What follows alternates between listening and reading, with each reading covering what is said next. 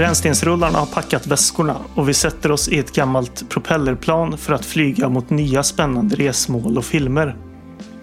Vi flyger längs den tjocka röda linjen på världskartan och landar någonstans i vår barndomsdjungel. Det här är en plats vi minns med värme, men frågan är om vi kommer känna igen oss. Eller har minnet och tiden, som så ofta, grumlat vårt omdöme? Vi drar på oss kängorna och beger oss ut i djungeln för att ta reda på just detta. Och jag heter Jonathan och med mig har jag som alltid Andreas. Jag tycker inte ens om att resa. Nej, och nu åker vi Ja, om vi korsar Atlanten eller något i den stilen. ja, jag tror att de flesta av de här filmerna vi kommer att prata om ska väl utspela sig i någon afrikansk djungel. Eh, åtminstone de, vi prat, de två filmerna vi pratar om idag. Så det är en bra, bra bit vi ska färdas. Precis, jag tänkte på det också. Att det är oklart vart de faktiskt utspelar sig, tror jag. Eller det kanske var något title card med någonstans. ja, nej men Fantomen utspelar sig i en, en fiktivt eh, land som heter eh, Bengala, eller jag tror att den heter Bengalien i, i svenska Fantomen. Just det. Just det. Men Djungel-George, den är ju väldigt oklart vart någonstans på världskartan som den utspelar sig. Jag minns inte ens vilken stad de kommer till sen heller, men det, det kan vi ta sen. ja. Är det inte San Francisco? Jo, jo men just det. det jag tror det. att det är det. det är de här typiska San Francisco-gatorna är väldigt kuperat. Ja, såklart. såklart. Det, just det, det är de här backarna och så ja. Ja, men precis. San Francisco har ju återkommit i andra filmer i podden. Det är intressant. Jag kommer inte ihåg. Var det... Um, Pacific Heights är ju Pacific San Francisco. Heights, just det. Precis. Ja, nej men som sagt, djung, djungeln har vi rest till. Uh, och vi ska ju prata om barndomsfavoriter. Mm. Kan man ju säga. Det var lite det.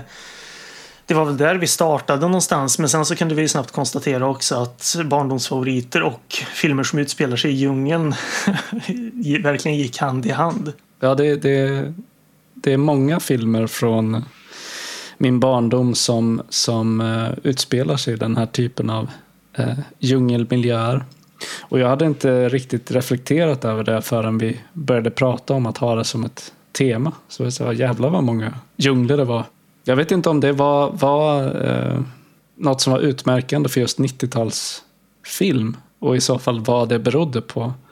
Ja, det känns ju som det. För det är ju, ja, det är ju knappast de enda filmerna vi har, har hittat som vi ska prata om idag. Och nästa, nästa avsnitt för den delen också. Utan utöver de här fyra filmerna vi ska prata om sammanlagt alltså, finns det ju ett helt gäng fler. Absolut, och, många som jag också minns väldigt väl. Alltså, som till exempel en gammal komedifilm med Tom Allen som hette, nej Tim Allen, förlåt, som hette eh, Jungle to Jungle.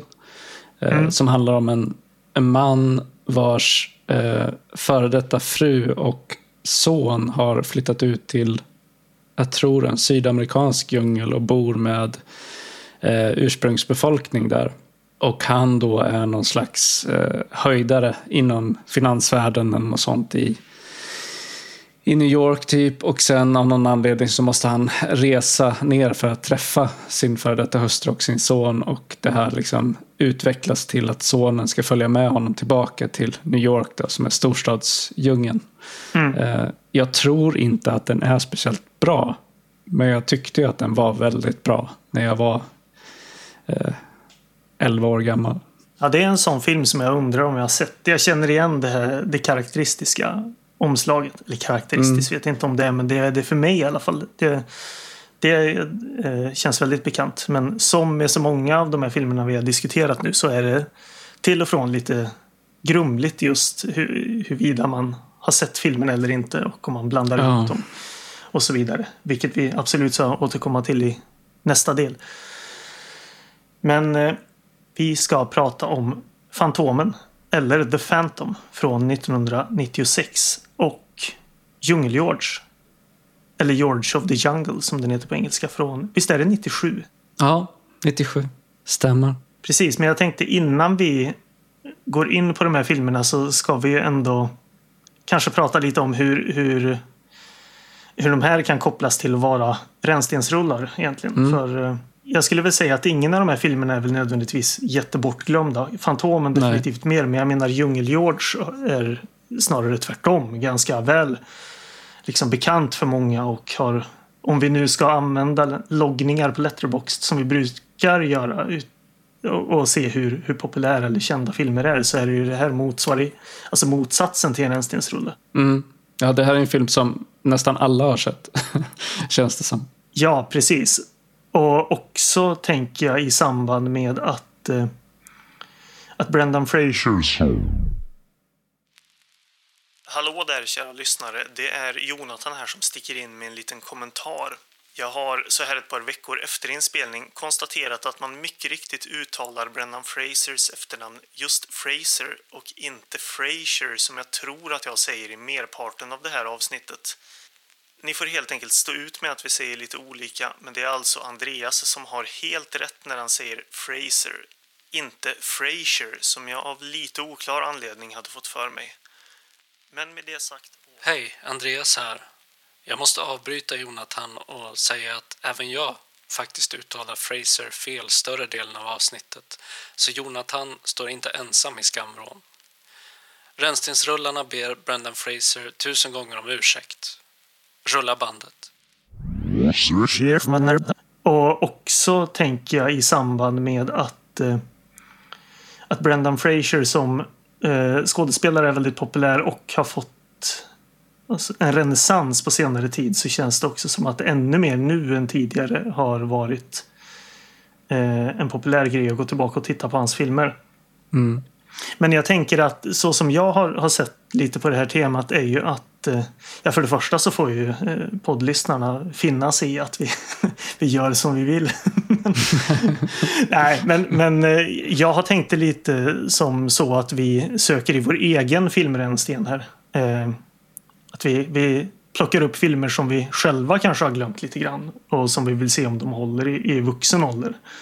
Eh, att eh, även fast filmerna i sig kanske inte är så bortglömda så är det ju inte filmer som eh, vi kanske har sett lika mycket nu som vi gjorde en gång i tiden. Nej, och ett sätt som vi har definierat begreppet rännstensrulle tidigare är ju också att eh, det behöver inte vara en film som är bortglömd utan det kan också vara en film som många har sett och är medvetna om men som vi misstänker eh, har blivit orättvist bedömd.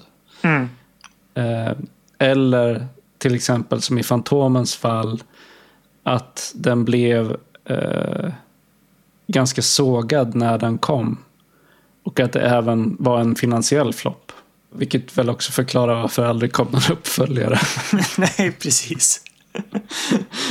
så den, eh, den, den floppade ju då, när ja. det begav sig. Eh, men jag eh, älskade ju den här filmen när jag var liten.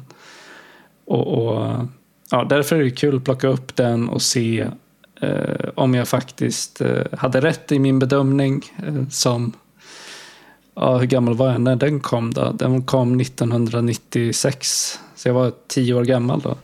Mm. Det kan vi också säga faktiskt att eh, lite grann i alla fall så har vi ju eh, valt en film var skulle man kunna säga. Nu minns jag det som att du också tyckte mycket om Djungel-George som barn. Eh, Absolut. Det var, det var en av mina favoriter. Sen tror jag att jag har sett Fantomen som barn också.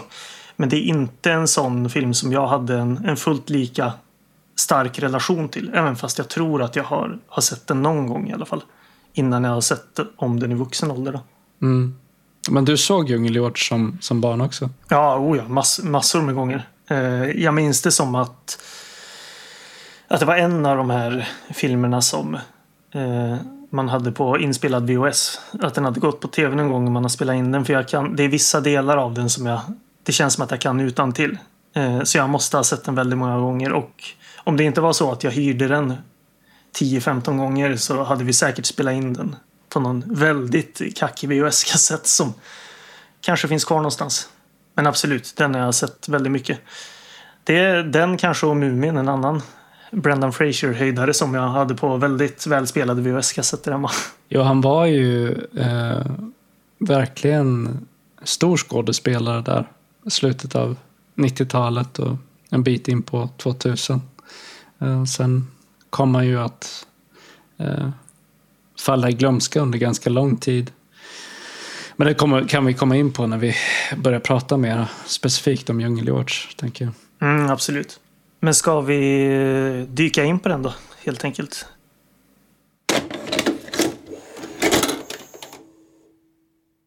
Så ska jag eh, kolla på det här ganska fula VHS-omslaget. Mm. det, det ser inte ens riktigt ut som Brendan Fraser på framsidan. Jag vet inte vad de har gjort med, med, eh, med den här eh, redigeringen. Nej, det ser också ut som att gorillan nere i högra hörnet, eh, han tittar ju alltså upp på Brendan Fraser underifrån. Brendan Fraser då eh, svingar i en lian och Ja. eh, gorillan sitter nere i djungelbuskarna nedanför och tittar upp med, med, med eh, ja, en väldigt eh, svårdefinierad min. Stor, en storögd blick i alla fall. Storögd blick. Ja. Och elefanten ser ganska Ja, han räcker ju tungan ser jag nu. ja, det, det, det finns mycket att säga om det här omslaget. Det, Ja. det, får ni gå in och titta på. Eh, Jag ser ju för övrigt att det står svenskt tal här. Det glömde jag lite bort, men jag hade tänkt definitivt inte att se hela filmen med svenskt tal. Men eh, titta på utvalda delar, för det kan man ju faktiskt göra på Disney+. Plus. Eh, Byta till svenska dubbningen. Jag var nyfiken på att se om även den var någonting jag skulle känna igen. mm, För jag, jag är inte helt säker på om jag såg den här eh, på engelska med textning. Eller om jag såg den i dubbad version. Eller både och. Men eh, hur som helst, det, det glömde jag bort och gjorde icke. Jag såg den ju bara dubbad när jag var liten och eh, har inte sett den eh, med originalspråk förrän jag blev vuxen. Nej, Så det är också ganska speciellt att eh, liksom, jag minns alla repliker på svenska med den svenska rösten och sen plötsligt när man då ser filmen igen efter att inte ha sett den på otroligt många år så, så är det någonting som inte stämmer riktigt för man ser den på originalspråk. Det ger mär, en märklig känsla. precis. Men så här står det på baksidan. George är inte som andra. Så länge han minns har han bott ensam i djungeln. I en trädkoja med den talande gorillan Apan som hembiträde. Det är intressant för han heter ju Ape i, i filmen. Men, men en direktöversättning blir ju inte riktigt samma sak. den, ja, eh, han bor i en trädkoja med den talande gorillan Apan som hembiträde och den valpiga elefanten Käpp som hundsällskap. När George tar sig fram i djungeln tar han hjälp av lianerna. Det enda som kan stoppa honom är en och annan trädstam. Också Ursula förstås. Överklassflickan som kom till djungeln för att se på apor men istället fick syn på George. Eh, George på sin sida hade heller aldrig sett någon som Ursula. Faktum är att han inte visste att flickor fanns. Detta och mycket mer får George nu lära sig. Något tokroligare än denna film får man leta efter. Fylld med humor, roliga scener och träffsäkra rolltolkningar är detta en riktig familjefilm när den är som bäst. Ja, de sparar inte på, på krutet. Nej. Men i alla fall, Djungel-George. Den är regisserad av Sam Wiseman som eh, jag kollade upp förut och konstaterade att han inte har gjort så mycket mer intressant förutom eh, tv-serier och Mighty Ducks 2. Nej, precis. Han... Det är ganska lustigt att han har ju inte gjort så många andra filmer eh, som man känner igen, Nej, förutom den här. Men har dock gjort en annan favoritfilm från min barndom som är D2 Mighty Ducks. mm, Eh, och det visste inte jag förrän jag gjorde efterforskning för det här avsnittet. Men alltså den filmen såg jag ju sönder när jag var liten. det, är så, det är så lustigt att man liksom upptäcker de här eh, kopplingarna som man inte har varit medveten om tidigare. Eh, så två av mina absoluta favoritfilmer från barndomen visar sig vara regisserade av samma snubbe som i övrigt inte har gjort så många andra filmer. Jag tycker det är lite det, det är knepig slump. Ja, men det är väldigt roligt för jag konstaterade exakt samma sak med regissören av eh, nästa film vi ska prata om. Ja, så Okej, vad kul. så det, det ska vi återkomma till. Eh, Mighty Ducks har jag inte sett. Kanske att jag har sett första. Jag hade tänkt att se den i och med att den finns på Disney+. Jag är lite nyfiken på den. Ja, de är härliga. Hela den trilogin är väldigt härlig. Eh, det är inga liksom, vad säger man, alltså det är inga fantastiska filmer så, men de är mysiga. Mm. Eh, mysiga barn och ungdomsfilmer. Ja, Emilio Estevez är ju bra. Han spelar väl huvudrollen i första i alla fall. Han spelar, han är med i alla tre. Mm. Som det här eh, hockeylagets eh, tränare då. Sen får han en delvis olika relationer till dem under de här tre filmernas gång. Men han är med i alla tre och spelar samma roll. Eh, nej men precis, Sam Weissman han har gjort mycket för tv. Och verkar även ha skådespelat en del själv. Också för, i tv. Mhm. Ja, det missar jag. Men manus är skrivet av en Audrey Wells som hade gjort lite ströfilmer, mycket romantiska komedier. Men hon hade jobbat ganska nyligen med lite större filmer, såg jag. Mm. Hon har skrivit manus till eh, Angie Thomas eh, roman The Hate You Give. Ja, precis. Som kom 2018 och eh, tyvärr så, så verkar det som att hon också gick bort samma år. Så hon är, hon är inte med oss längre. Jaha, det hade jag helt missat. Det såg jag inte ens. Jag såg bara, jag noterade just det då, att hon hade skrivit manus till en, en så pass ny och, och också väldigt hypad film som jag minns det. Mm. Men det är ju ytterligare två eh, manusförfattare till den här filmen som heter Jay Ward och Dana Olson. Men de har inte gjort någonting som jag kände igen direkt. Nej, men jag tror att eh, eh, de har... Eh, det här är tydligen baserat på en serie, tror jag. Eh, och det är där, jag tror att de har... Eh, att det är liksom serieskaparna. Ja, ja, ja, men det är klart. Det var därför jag kände igen namnet. För jag hade läst om...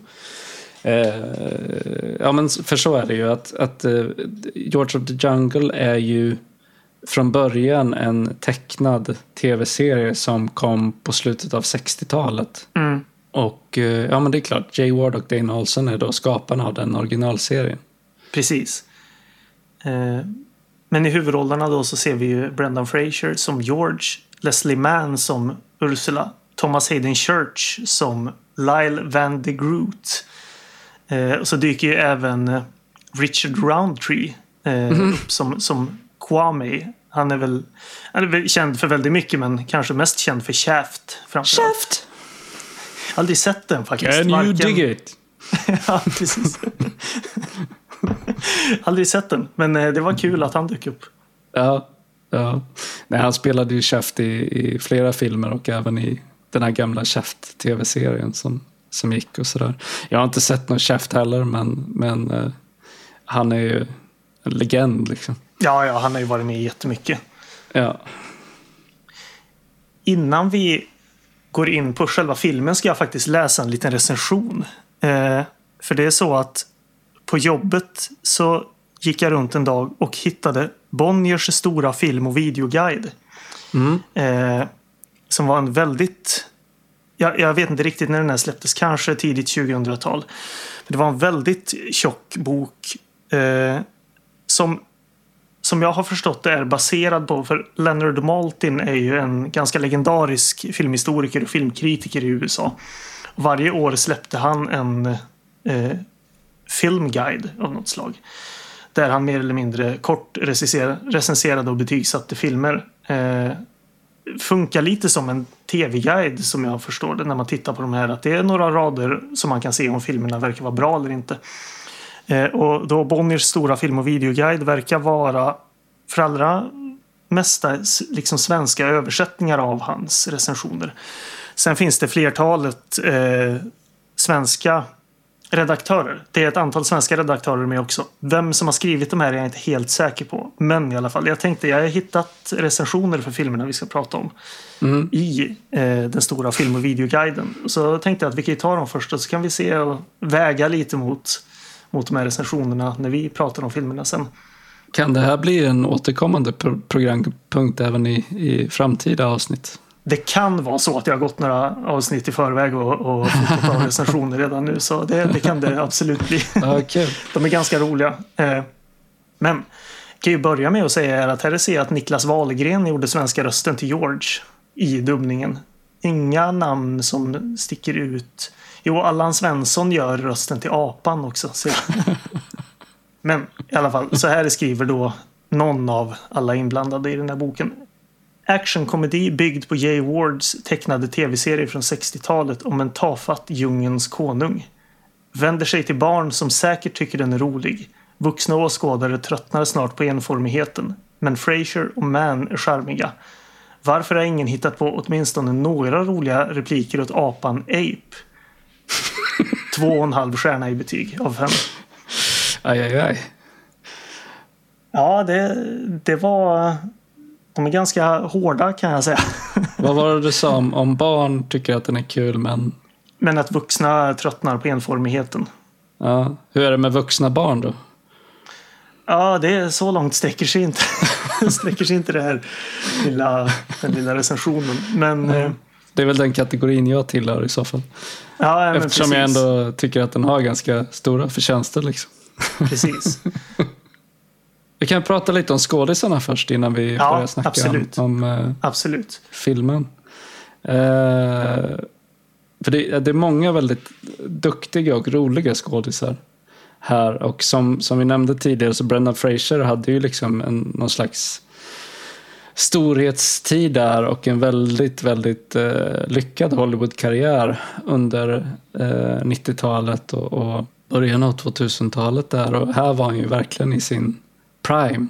Mm. Det gör mig väldigt glad att se att han har fått den här eh, nytändningen i sin karriär.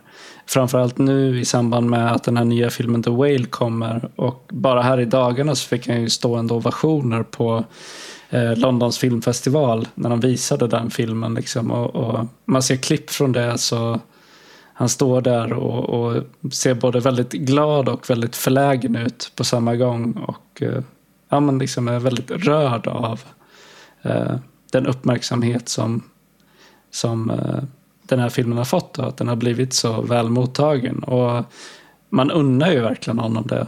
Mm. För det var ju bara några år sedan när han satt i någon amerikansk intervju och eh, efter att inte ha synts särskilt mycket i tv eller film och sådär på ganska lång tid och han verkade väldigt rädd och, och men orolig.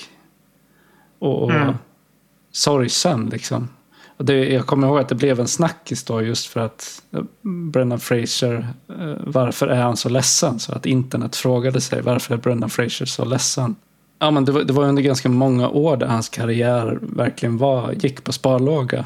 Och, och vad det verkar som på grund av ganska tragiska omständigheter. Dels så var ju hans kropp väldigt trasig efter att han hade gjort sina egna stunts i filmer som Mumien och, och eh, sådär. Så han behövde genomgå ganska svåra operationer eh, för att liksom eh, laga sin trasiga kropp. Mm. Och sen var det den här...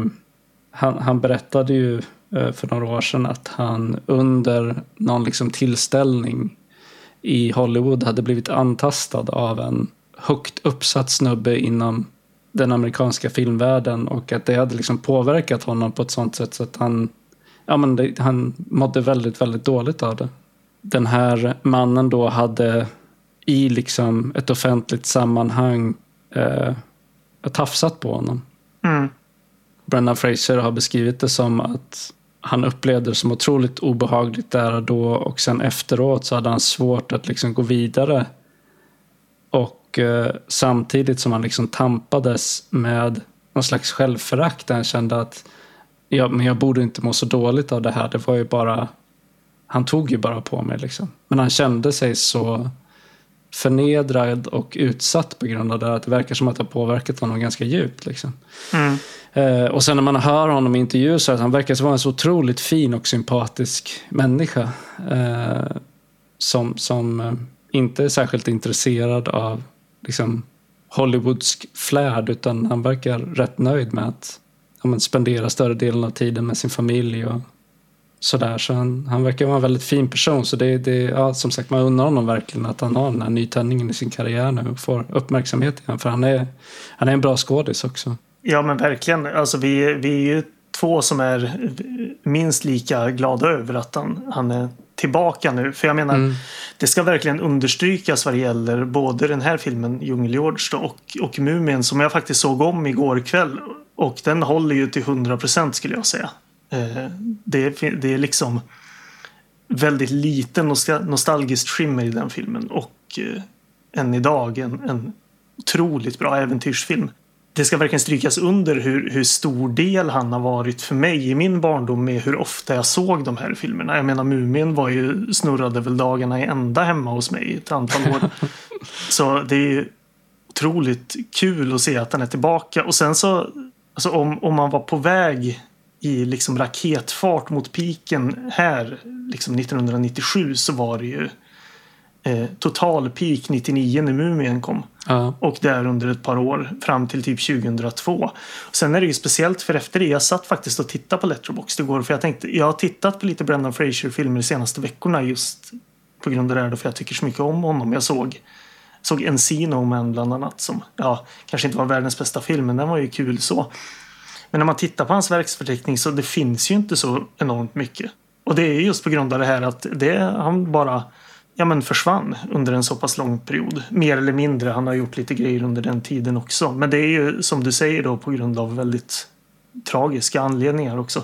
Jag hade faktiskt glömt bort. Jag visste om det här att han hade skadat sig ganska ordentligt under eh, just inspelningarna. Men jag hade faktiskt glömt bort den här andra delen av det hela också som jag alltså kommer ihåg ganska väl nu när du säger det. Att jag har hört att det har pratats om. Eh, men det är väldigt kul att han är tillbaka. Ja, han, han, eh, han är ju rolig skådis i det här med att han, han både fungerar som eh, liksom leading man i äventyrsfilmer av det slag som Mumien är. Men han är väldigt duktig liksom, komisk skådespelare också. Han har bra komisk timing och det finns någonting över hela hans uppenbarelse som är lite så här, vad ska man säga? Ja, men han, är, han är bra på att spela dumrolig. Mm. Han har någonting lite så klumpigt över sig. Och, och, lite tafatt. Som är genomgående i alla rollerna han gör. Även hans äventyrsroller. Jag tycker han påminner lite grann om Harrison Ford på det sättet. För Harrison Ford är också så här. Ja, men även i Indiana Jones-filmerna. Han är alltid lite klumpig. Han springer väldigt klumpigt. Och han liksom när han ska slå någon på käften så svingar han verkligen med hela kroppen och sen mm. råkar han träffa någon på alltså det, det finns Precis. en klumpighet och en tyngd i, i uh, Harrison Ford som, som uh, hans sätt att uh, actionskådespela på som jag tycker att han har gemensamt med Brennan Fraser också. Ja, verkligen. Ja, men de har den där grejen av att vara kännas lite aviga inför det de håller på med. Att det, det, de känns som äventyrshjältar som inte är så sugna på att hålla på med det de håller på med. Precis. Det, det är liksom det är kul när det blir fighter och, eh, och, liksom, och eldstrider men annars är det som lite en means to an end. Som ja. det, det, blir stålar av det här men det är också ganska mäckigt och jobbigt att hålla på. Ja, det är lite jobbigt liksom. ja, precis. Ja, nej, men verkligen. Ja, men jag tänker alla så här, andra eh, notvärda filmer som Brendan Fraser har varit med i var väl eh, Bedazzled eller Djävulen och jag som var liksom ren mm. komedifilm och sen Blast from the Past eller som har det ganska roliga svenska namnet rätt upp i 90-talet. ja, den har jag inte sett. Den minns jag som ganska rolig också. Och sen spelade han ju den här miniserien som var en filmatisering av eh, Jules Vernes eh, bok Resan till jordens medelpunkt. Mm. Och den var också äventyrlig. Den eh, är väl ganska bra, i alla fall delar av den. Om, jag, om man vill ge ett lite mer pretentiöst svar också så kan jag ju nämna att han är med i den väldigt speciella filmen Passion of Darkly Noon. En tidig roll faktiskt. Den är regisserad av Philip Ridley som eh, har gjort en handfull filmer bara. Just den här då, Passion of Darkly Noon med Brendan Fraser, Viggo Mortensen och eh, Ashley Judd. Den är väldigt bra, men han har också gjort den fantastiska filmen The Reflecting Skin från 1990. Eh, också med Viggo Mortensen. Mm. Sen har vi Leslie Mann som mm. väl kanske mest eh, är känd för att vara med i en mängd eh, komedifilmer. Ja, hon är ju gift med Judd Apatow. Ja, Nu hade ju hon en ganska stor eh, en ganska stor karriär redan innan det. Jag vet inte när de blev ett par men det känns som att sen hon har varit ett par med honom så har det blivit väldigt mycket att hon dyker upp i, i alla hans filmer. Ja. Hon är med i Knocked Up och uh, 40 Year Old Virgin. Uh, men sen äldre filmer som hon är med i är ju uh, förutom den här då, uh, Cable Guy och sen Big Daddy och en mängd andra filmer. Just det, Big Daddy. Cable Guy har jag aldrig sett men Big Daddy har jag också sett mycket som barn. Mm. Och sen har vi Thomas Hayden Church. Mm. Som är en väldigt rolig skådespelare. Ja, den här eh, filmens eh, kanske starkaste kort kan vi ju säga. Ja, verkligen. Han är skitrolig här. Eh, men en annan film som jag verkligen rekommenderar med honom är Sideways. Där han spelar en väldigt impulsiv och ganska eh, barnslig och i, i viss mån liksom charmig men ändå outhärdlig person som ger sig ut på en, en vinprovarresa tillsammans med sin deprimerade polare. Eh, det är otroligt fin och rolig film. Sen är han med i en annan väldigt bra film som heter Killer Joe. Mm, den är kanonbra. ja, den är skitbra. Otrolig. Alltså fy fan vad den är läskig. Eh, men den är bra. Jättebra. En sen William Friedkin-film, det är kul. Ja. Han gjorde Precis. ett par riktiga höjdare ganska sent i... Mm. Eller han lever ju fortfarande men han är väldigt ointresserad av att regissera film tror jag. Han, jag tror att han bor i Italien och regisserar operor vid det här laget. Okej. Okay. jag har ingen koll på vad han gör idag men jag tycker att Killer Joe är en av hans bästa filmer. Ja, den är kanon. Men eh, Thomas Hayden Church är med i ECA också. Även det är en kanonfilm. Han spelar ju en lärare där. Mm. Jag har inte sett. Nej, den är, den är sevärd. Definitivt. Och sen har vi John Cleese då, som spelar apan, eller han gör rösten till apan. Han, sp han spelar apan, apan, eller nu det stod på, på, på baksidan. Ape, som sagt, som han, som han heter i filmen. Och det är väl de mest nämnbara skådespelarna. Mm. Eller näm nämnvärda skådespelarna i filmen. Namnkunniga, skulle ja. man kunna säga. Eh, men sen så är det, det, det är lite skådespelare som jag i alla fall känner igen också. Ansikten som dyker upp. Mm.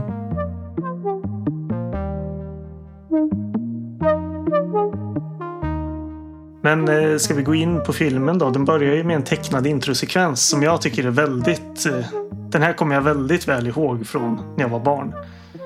Eh, jag vet inte om den här är liksom lik den här serien som har gått en gång i tiden. Jag vet inte om den visades i Sverige, det har jag svårt att tro. Den är ganska lika. Jag har sett några småklipp från eh, originalserien och det är, det, är ganska, det är uppenbart en hommage till, till den.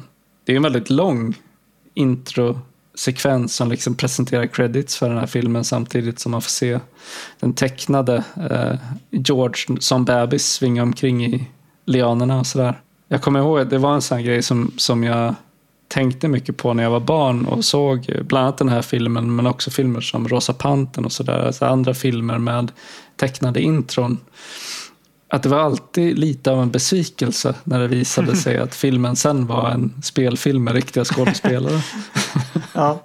Man ville fortsätta se tecknat liksom. Ja, just det. Ja, det, det. Jag minns inte hur jag tänkte runt det när jag såg den här. Men, men jag vet i alla fall att introt är väldigt eh, Eh, det är en av de sakerna som man minns allra mest mm. Eh, från den här filmen. Även fast filmen överhuvudtaget är väldigt... Jag kommer ihåg den ganska väl så är det vissa små saker som verkligen sticker ut. Bland annat då det här introt. Ja, och där spelas ju eh, filmens ledmotiv också som är det här väldigt trallvänliga George, George, George of the Jungle. Spelas av bandet Presidents of the United States faktiskt. Jag tror de är ett, ett hyfsat eh, hippt vet jag inte om det är rätt, rätt ord. Men de var ett, ett väldigt populärt 90-talsband tror jag. Sen Aha. så såg jag även att Weird Al på något vis var involverad där. Jag vet inte om det är han som sjunger eller om han har skrivit text eller någonting. Nej, ingen aning. Jag tror att, jag tror att det var det bandet och, och Weird Al som var inblandade i det här ledmotivet. Ja, okej. Okay. Men eh, sen så kastas vi ju mer eller mindre in i den här filmen. Det är ju ett, ett helt makalöst tempo i den här filmen. Eh, och vi introduceras först och främst för Leslie Manns karaktär Ursula. Eh, och det är ju kul för det är inte bara djungeln som återkommer i de här filmerna utan hon är ju gorillaexpert precis som, som Charlize Theron är i en film vi ska prata om i nästa avsnitt. Just det. Och det, alltså, vi, vi introduceras egentligen för hennes karaktär och Thomas Hayden Church karaktär. Mm. De är väl, De, de är ett par då. Ja, precis. Ja, mer eller mindre kan man väl säga. Mer eller mindre ihop. eh, Han, han, han är ihop med henne. Ja, jo, men precis så kan man säga. Eh, det är, inte, det är eh, lite envägs, eh, envägsrelation kan man väl Ja, säga. verkligen. Hon är ganska måttligt intresserad, men de är ju fästmö och fästman och Ja, planerar ja, att gifta sig. Just det. Eh, Men det är ju tydligt att hon kanske egentligen inte är så intresserad av honom. Han, hon är ju där på någon slags eh, expedition då, tillsammans med eh, ja, men några guider som tillhör den inhemska befolkningen. Och eh, så dyker han upp där eh, tillsammans med två tjuvskyttar. eh, som har tagit med honom ut i djungeln. Och han tycker att hon, hon borde bli jätteglad av att se honom. Men ja, hon är inte så blir inte så exalterad när han dyker fram där bakom en buske. Nej, han dyker upp i, alltså i komplett mundering. Vad, är, vad heter det? Inte, inte exploateringsmundering utan... Mm. Han ser väldigt kolonial ut. Ja, kolon, ja men exakt, det var precis det jag sökte efter. Han ser ut som en riktig kolonialman som dyker upp där med sina två tjuvskyttar som ska söka upp sin fästmö i djungeln. Och han beter sig ju verkligen som den så här eh, stora vita överheten som kommer Ja, ja, till ja, precis. djungeln för att eh, lära eh, de här infödingarna om världen. Liksom. Han är verkligen han är, eh, odräglig, hemsk person.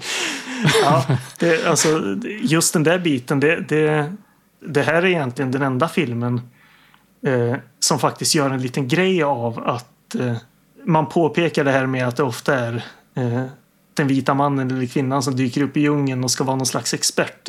Den här filmen gör ju sig faktiskt lite lustig över det, vilket är ganska förfriskande att se.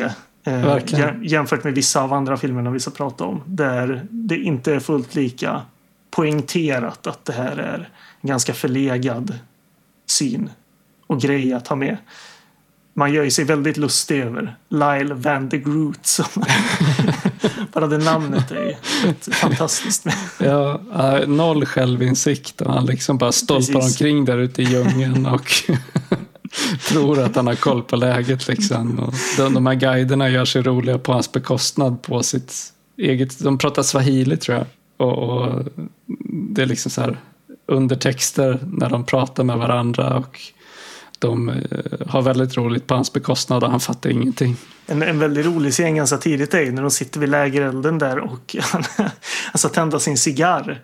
Tar fram tändaren och han eh, för att alltså, ställa sig in hos guiderna så ska han ge dem en present. Då tar han fram den där tändaren och säger Do you like magic fire? Gift from America. när han tänder den där tändaren.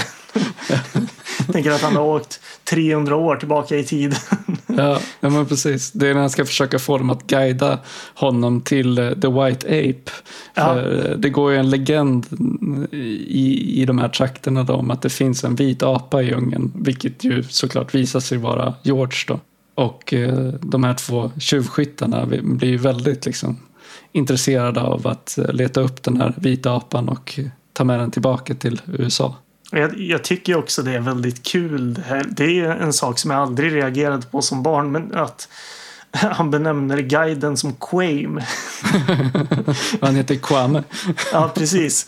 Och alla säger det flera gånger. Men, men eh, Thomas Hayden Church han säger Quame Ja, genom hela filmen. Och det är en väldigt enkel liten grej men som är väldigt roligt. Eh, ja, ja, det är verkligen illa dold liksom, rasism. ja, ja verkligen. Eh, Men jag tycker att de filmen behandlar det på ett väldigt bra sätt. Just så tillvida att eh, ja, men man, man målar den här karaktären som den jävla idiot han faktiskt är. Väldigt feg också. Eh, för det, det första som händer är att han, han tar med sig Ursula liksom ut i, i djungeln och sen hör de eh, ett lejon som ryter.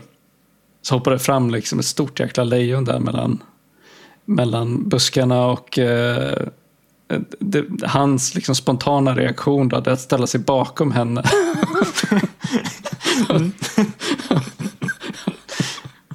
och sen så fort han får chansen springa därifrån så snubblar han på en rot, slår i huvudet och svimmar. Liksom. Ja, precis. och hon blir räddad av, av George då, som kommer svingande i en lian. Och sen när han vaknar upp från sin medvetslöshet så liksom, man ser verkligen på honom hur han tänker, hur ska jag ta mig ur den här situationen? hur, ska, hur ska jag förklara att jag kommer tillbaka utan min fästmö? ja. Och sen börjar han smeta ner sig i jord och eh, någonting som liknar blod. Och sen börjar han eh, liksom mässa för sig själv att den, den stora vita apa, apan tog min fästmö. Ja. Och börjar ropa på Ursula liksom. Så kommer han tillbaka och framställer sig själv som en hjälte inför de här andra. Ja, ja nej, han är, han är väldigt, väldigt rolig. Väldigt bra. Ja, ja, han är otroligt bra, Thomas Hayden Church, i, i den här rollen. Det, det är en voiceover också som är lite intressant på så sätt att det är som det inslaget i den här filmen som framförallt vänder sig till de vuxna tittarna. Mm. Eh, vi ska komma lite mer till det där hur den här filmen försöker på både eh, bra och mindre bra sätt blanda eh, ganska hejvilt olika typer av humor och inslag. Men vi introduceras då för George och sedermera också Ape. Jag vet inte om du tänkte på det, men jag tyckte det var ett väldigt imponerande minspel på den här apan. Ja, verkligen. Och det är ju mycket riktigt folk från, från Jim Hensons Creature Shop som har gjort effekterna också. Som mm. upparna och så vidare. Så det, det märks att att det är eh, ja, men, kvalitetsarbete som ligger bakom vissa av effekterna, ska sägas. Inte alla, men... Det ser ut som en riktig gorilla. Eh, mm. har väldigt uttrycksfullt ansikte. Eh, och eh, John Cleese gör ju rösten väldigt bra såklart. Mm. Ja, nej, men det, återigen, den, takten är ju så otroligt hög så vi, vi eh, introduceras för George Ursula vaknar i djungeln, är väldigt rädd. Sen så blir hon småkär i honom. Och sen mer eller mindre så är man inne på akt två när de åker till eh, San Francisco då, som det förmodligen är. Han följer med henne tillbaka till storstan. Ja, precis. En annan grej som är kul är ju att den här filmens ålder blir aldrig tydligare än när George ska försöka eller han vill kyssa Ursula vid det här vattenfallet och Shaggys mm. remix av Let's Get It On spelas. om, man, om man inte visste att den här eh, filmen släpptes 97 så blir det solklart när, när man hör just den liksom hemska eh, soundtrack-biten. Uh, det är också en väldigt rolig scen när han liksom använder sig av de förförelsetekniker som han lärt sig av sin kompis apan. Ja, precis. han blå, blåser upp kinderna och visar tänderna. Ja. Och sen så här dansar omkring och kastar en massa löv på sig själv. Och uh, spänner ut sin bringa liksom. Mm. och hon fattar ingenting. Nej, precis. Eh, det är annars ganska bra musik i den här filmen. Ja, det är det. Det är ett väldigt fint ledmotiv av Johnny Clegg som, som dyker upp ett par gånger och framförallt då i slutscenen. Det är en av mina eh, favoritlåtar faktiskt. Dela heter den. Mm, Johnny Clegg var en sydafrikansk eh, eh, musiker, artist som dog 2019 tror jag. Så han blev inte så gammal. Han, jag tror att han blev en bit över 60 eller något sånt där. Men en väldigt, väldigt fin låt. Mm, absolut. Som spelas i en eh, fin scen där de dansar tillsammans ute i djungeln. Jag tycker det genomgående är en, en sak som jag verkligen tycker om med den här filmen och som gör den lite speciell är att den kombinerar ren slapstick och fånerier med eh, genuint fina och eh, kärleksfulla scener mellan huvudkaraktärerna. Mm. Så, så det är liksom inte bara larvigt hela tiden. Utan eh, det finns också ja, men det finns en värme i den här filmen som jag tycker om. Det, det känns som en, en snäll film. Verkligen. Och det är till och från under filmens gång så märker man det med, alltså mer eller mindre att man försöker blanda ganska mycket olika saker. Under första akten då så har man ju som den här scenen med den lilla apan som, som ska skrämma lejonet och sånt där. Det, alltså det, man har voiceovern som framförallt vänder sig till de vuxna tittarna. För det är väldigt, jättemycket referenser som dyker upp som man inte fattar som barn. Eller jag gjorde inte det i alla fall. Sen så har man ren barnhumor, slapstick som du säger. Och sen en väldigt fin story. Och eh, för allra mesta i alla fall skulle jag vilja säga att den eh, lyckas blanda det här. Mm. Men ja, vi, vi ska komma till, till sista delen i filmen. För där känner jag att den här barnhumorn blir mest framträdande. Mm. Men efter den här första delen då så kommer vi till akt två när de kommer till San Francisco. Det här är delen av filmen som jag minns allra mest. Eh, Jag minns det här som en mycket längre del av filmen också. Ja, nej, samma för mig. Jag tycker att det här är den bästa delen av filmen. När de kommer till San Francisco och det blir en... Har Fish Out of Water något vettigt svenskt begrepp? Alltså den typen av film. Fisk på torra land fick jag när jag googlade. Jag vet inte om det. Bambi på hal is. Ja, precis. eh, nej, men det blir ju den typen av film i alla fall. Att eh, Ja. George ska finna sig i storstaden. Mm. Jag försöker anpassa sig till civilisationen. Precis. Eh, och det här kan, man, eh, kan jag koppla till en annan barndomsfavorit, Crocodile Dundee, som, som Ja. bygger på samma typ av, fast där är ju hela filmen det nästan. Eh, också en film som håller ganska väl eh, när man ser om. Men det, det är en typ av film jag tycker mycket om och det är nog därför också som jag minns den här delen av filmen som allra bäst och lite längre än vad den egentligen är. Mm. Det känns också som, som eh, mycket av ett så här 80-90-tals eh, Eh, fenomen. Det här med att du tog en, en karaktär som eh, vuxit upp i en, en miljö och placerade den i en helt främmande miljö. Och sen utsatte den för eh, en massa saker. Liksom. Det är alltså som... första jag kommer att tänka på är liksom en Prince of New York med Eddie Murphy. Och, men det finns, det finns många sådana där filmer. Fish Out of Water-filmen. Mm. Men eh, alltså det känns lite som att eh, filmen nästan vill snabbspola lite grann för att komma fram till eh, att de kommer till storstan. Eh, sen så märkte jag, jag tror att jag skrev det i mina anteckningar innan jag insåg att filmen också vill snabbspola för att komma tillbaka till djungeln. eh, den blir ju på sätt och vis lite klichéaktig här. Eh, i den här delen. Men jag har ingenting emot det för jag tycker det är väldigt mysigt. Eh, alla de här bitarna. Eh, och det är så många scener som jag minns så väl här. När han klättrar upp på bron. Eh, Mm. För att rädda den här. Fallskärmshopparen som på något sätt har lyckats trassla in sig i, i, i vajrarna på Golden Gate Bridge. Eller väl? Precis. precis. Eh, så är det ju rätt roliga scener när, han, när de har middag hemma hos Ursulas föräldrar. Som är, framförallt hennes mor är ju väldigt strung up. Eller vad, alltså eh, väldigt brittiskt eh, överklassig. Ja, väldigt överklass. Eh, och eh, tycker ju inte om att hennes dotter har gått och förälskat sig i en djungelkille.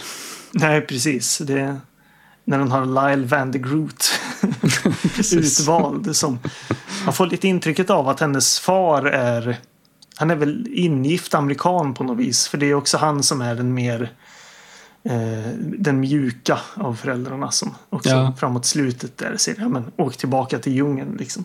Han verkar ju eh, större delen av tiden vara ganska så här, eh, egentligen vara ganska liberal och, och öppensinnad men att han liksom inte orkar ta konflikten med sin hustru och därför Nej. inte säger någonting. Precis. Ja, nej men som sagt, alltså nästan lika snabbt som man kommer till den här delen så åker de ju tillbaka till djungeln. Nu kommer inte jag ihåg exakt. Jo, vänta nu, det är den här fågeln som söker upp George i Mm. stan. Om att de har rövat bort Ape, de här två tjuvjägarna. Ja. Varpå, varpå George eh, hoppar på ett så här car, cargo eh, och eh, tar sig till, eh, tillbaka till eh, Afrika genom att att sitta inuti en så här stor träcontainer. Ja, han, han, har, han har postat sig själv. Han postar sig själv till, tillbaka till djungeln. Och den sista biten så springer han i ett par Nike Air-skor. Eh, väldigt eh, skamlös eh, eh, produktplacering. Den andra scenen i filmen som jag har absolut starkast minnesbild av Ja. är de här Nike-dojorna som man har. Jag kollar, modellen heter Nike Air More Up Tempo kollade jag upp tidigare idag. De är feta. Ja, Men det är också... borde- eh, Borde lägga ut en en- bild av det på, på Instagram också. Tillsammans precis. med det här avsnittet. Verkligen. Eh, som sagt, eh, feta dojor men inte världens mest finstilta produktplacering. Nej, nej men, det, alltså det, men det passar ändå för, för det, det, det klär den här filmen väl att ha den typen av oförblommerad produktplacering. Mm. Eh, för att de gör det till ett skämt också då. Att eh, George får sina nya Nike-skor och så tittar han in i kameran och säger oh. ja, precis. Och sen kommer ett montage när han liksom springer över berg och djupa dalar genom den här djungeln. Och det Ja. kommer jag ihåg att jag tyckte att det, det här löpmontaget var så jäkla coolt. Ja, Han kunde springa liksom hur länge som helst jättefort utan att stanna. Ja, ja, precis. Det kom, kommer också vara en så här återkommande eh, i en av filmerna vi ska titta på i nästa avsnitt, Djungelboken. Där finns det också sådana här löpscener i djungeln som jag tyckte var så jävla häftiga när jag var liten. Men det är mäktigt. Ja. En annan kul scen som jag kom på som, som kom lite tidigare som vi ändå ska nämna. Det är den här eh, scenen när han är på en middag hemma hos Ruslas föräldrar och han eh, i liksom utsläppt hår tem, liksom springer med en häst i slow motion. Och lite känns det som att det är en scen som, som, eh, som att man har skrivit in i manus. Man tänker, har man blivit så här jävla rippad för en, för en barnfilm så så måste man ha med någon scen när man får liksom flexa lite. Han kutar omkring där med hästarna inne i hagen med liksom uppknäppt vit skjorta. Ja, står det ett gäng så här överklasskvinnor och eh, trånar efter honom Ja, utanför precis. de här stängslen. Och eh, bakom dem så står det två killar som då inte ser George för att han är liksom dold Ja. eh, av de här kvinnorna som står och tittar på honom. Och så säger de till varandra att vad är det med tjejer och hästar? Det där med att vara rippad ska vi också återkomma till Ja. i, nästa film. Eh, Nej, men vi, Ja. kan, vi kan ta det nu faktiskt för att jag tycker att det är värt att prata om. För att en sak som är gemensam mellan eh, Djungel-George och Fantomen är att vi har två eh, huvudrollsinnehavare som verkar ha gått all in när det kommer till att genomgå en sån här kroppstransformation eh, och, och bygga en väldigt atletisk eh, figur. Och jag funderar på om det här är ett av de första exemplen på den typen av kroppstransformation. Eh, idag är ju den liksom eh, har ju den eh, gått i överdrift för länge sedan i det att med karaktärer som liksom eh, Thor och alla de här andra superhjältarna där, där det är skådespelare som väldigt uppenbart använder eh, antingen steroider eller andra former av liksom performance enhancing drugs. Men i de här filmerna så deras fysik ser mera naturligt uppnåelig ut och därmed också mer imponerande just för att de är i så otroligt god form. Och i fallet med Djungel-George så blir det ju extra kul för att han då har, har gått in så mycket för att bygga den här fysiken för en så fånig film som Ja, precis. Det var det jag tänkte. Att, ja, det finns ingen riktig logik i att, att ha blivit liksom så otroligt vältränad för, för Djungel-George. Han är så jäkla deffad också så man ser liksom Man ser ju varenda muskel spela på, på Ja. magen och på armarna när han rör sig och sådär. Men det är väldigt, Precis, och så här, men vänta nu. Du, du är här för att, för att fightas med ett, med ett CGI-lejon liksom, som du ska jonglera med. Det är inte som att det var något... Ja, nej, det, det, det, det finns ingen riktig logik i det, men det är väldigt kul att... Men sen, jag hade, hade inte riktigt... För vi, vi har ju pratat om just det här med med Brennan Fraser i den här filmen. Men sen när jag såg Fantomen så insåg jag, men vänta nu, fan Billy Zane, han har ju gått nästan ett steg längre. ja, ja. Han är ju mera, eh, börjar likna mer åt bodybuilder-hållet. Brendan Ja, Frasers precis. fysik i den här filmen är mera alltså, atletisk och smal. Precis. Liksom. Men, men Billy Zane börjar ju se biffig ut snarare. Jag nästan sa att, så, men vänta nu, jag känner inte riktigt igen honom. Nej, nej jag vet. Jag vet. Ja, nej, det är speciellt. Men eh, ja, Billy Zane ska vi återkomma till. Eh, Mm. Mm. Nej, men sen så man kommer ju tillbaka till djungeln och det blir li, aningen mer barnfilm känner jag. Eh, innan man kommer till det faktiska, faktiska slutet på filmen då. Jag, jag kan, kan ju säga det att den här filmen hade ju tjänat på att det är väl en av få filmer som jag känner att den hade kunnat vara lite längre än 90 minuter lång. Om man då hade stoppat in lite tid i den här mittenakten. Eh, för sen när man kommer till slutet så är det ju återigen då ganska högt tempo innan man kommer till slutscenen. Och som sagt, det, det i vissa fall också här man känner att det är lite mer barnfilm än vad det har varit Ja. tidigare. Eh, vilket inte är konstigt. Jag menar man kan inte hålla det emot filmen för jag menar det är ju en, en i stor mån en barnfilm men det är också lite, lite synd kan man tycka. Jo, det är, väl, det är väl synd just för att man äh, även uppskattar den här filmen som vuxen. Men på grund av att det ju är en film ämnad för barn så har man liksom inte kunnat, eh, antar jag då, ha med några längre scener som fördjupar relationer mellan karaktärer och sådana saker. Därför att det är inte eh, den målgruppen, alltså yngre barn, är intresserade av. Och det, ja, det får man ju förstå. Den här filmen är vad den är. Liksom. Och i första hand en barnfilm. Ja, precis. Jag kommer inte ihåg i och för sig det, vart i filmen det är, men när berättarrösten, när, när hans eh, elefant, elefanthund, Käpp, Mm. eh, sitter med ett enormt hundben och berättarrösten säger att det där är inte trovärdigt. så försvinner bort hundbenen. Ja, precis. det är lite sådana där grejer också som är kul. Eh, just med berättarrösten då. Som, som, Ja, absolut. Alltså berättarrösten bryter ju hela tiden eh, fjärde väggen. mm, Eh, och, och liksom eh, tilltalar tittaren direkt. Och ibland så pratar ju karaktärerna med berättarrösten och så vidare. mm, så, så han är ju också en karaktär i, i filmen. Det finns ju också den här scenen när de tidigt i filmen när de, när de går med de här guiderna genom djungeln och kommer till den här väldigt skrangliga träbron. Och eh, Lyle då, Thomas Hayden Church, korkad som han är, säger att ah, men det, det är inga problem med den här bron, den är jättesäker. Så börjar han skaka i den för att visa att han minsann inte är rädd. Och sen faller en av de här guiderna. Liksom.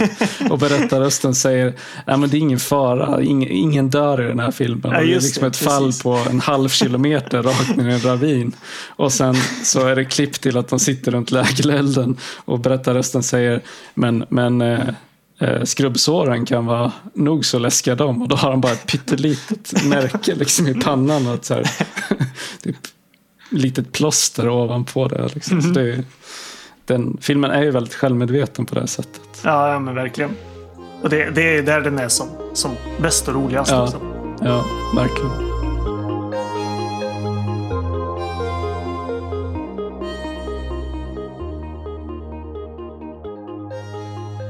Man kan väl avsluta med bara att det, det, även för min del i alla fall så är det lite svårt att se den här filmen som ser den objektivt. Men, men man kan definitivt säga att mittenakten är ju det absolut bästa med den här filmen.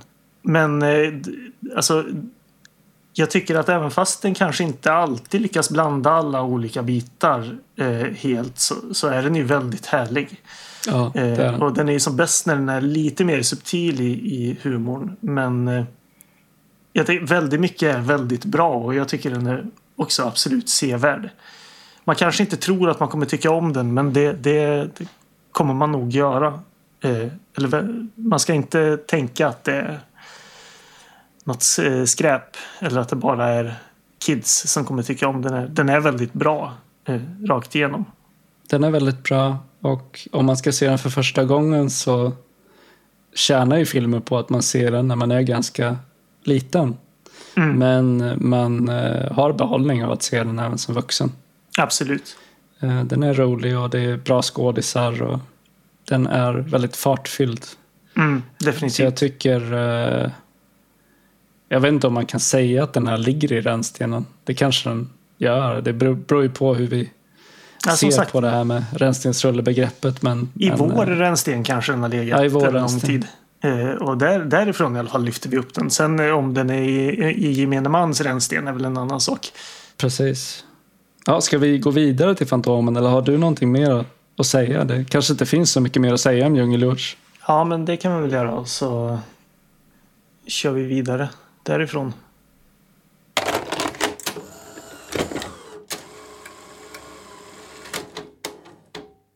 Billy Zane i rollen som Fantomen i en actionspäckad äventyrsfilm som baserar sig på en av världens mest framgångsrika tecknade serier. Legenden om Fantomen börjar för 400 år sedan då en liten pojke blev vittne till att hans far brutalt mördas av grymma pirater och spolas i land på Bengalisk kust. Pojken svär att hämnas sin fars död för all framtid. Handlingen i filmen börjar när en äventyrsexpedition under ledning av den hänsynslöse Sandra Drax, spelad av Treat Williams, landar på Bengalisk kust för att söka reda på de magiska Tuganda-dödskallarna, vilka ryktas besitta överjordiska krafter. Tillsammans har dödskallarna kraft att utrota mänskligheten, något som Drax med alla tänkbara medel är ute efter att göra. Endast en man kan rädda mänskligheten från undergång, Fantomen. Och Lasse Råde på GT tycker att här går det undan i en otroligt innehållsrik, inte överdrivet våldsam och underhållande actionfilm. I en, i en innehållsrik och inte, inte alltså det är så konstigt sätt att eh, vinkla det på att den inte är överdrivet våldsam. det är som att, att han har recenserat den i en kontext av andra väldigt våldsamma filmer. Jag vet inte. Ja, jag vet inte om man syftar på kanske att, att den lämpar sig för, för barn att se eller vad det är. Men Ja, men så kan det vara i och för sig att, eh, att man ser Fantomen som serie som att det vänder sig mer till barn. Och att man då att det är positivt för den här filmen att den inte är överdrivet våldsam. Att eh, mm, barnen även kan se den här filmen då. Så kan det ju vara såklart. Ett väldigt mäktigt VHS-omslag. Ja, jag tänkte precis säga det också. Ja. Det, det är ett jäkligt snyggt VHS-omslag. Ja. Just den där scenen man ser på det här omslaget är ju inte riktigt med i filmen. Eh, vilket är lite dumt, men det, det ska vi komma till precis i filmens öppning. Mm. The Phantom då, eller som den heter i Sverige, Fantomen, från 1996 är regisserad av Simon Windsor som är född 1943 och kommer från Australien. Han är också, precis som eh, regissören för Djungel-George, eh, regisserat mycket för tv.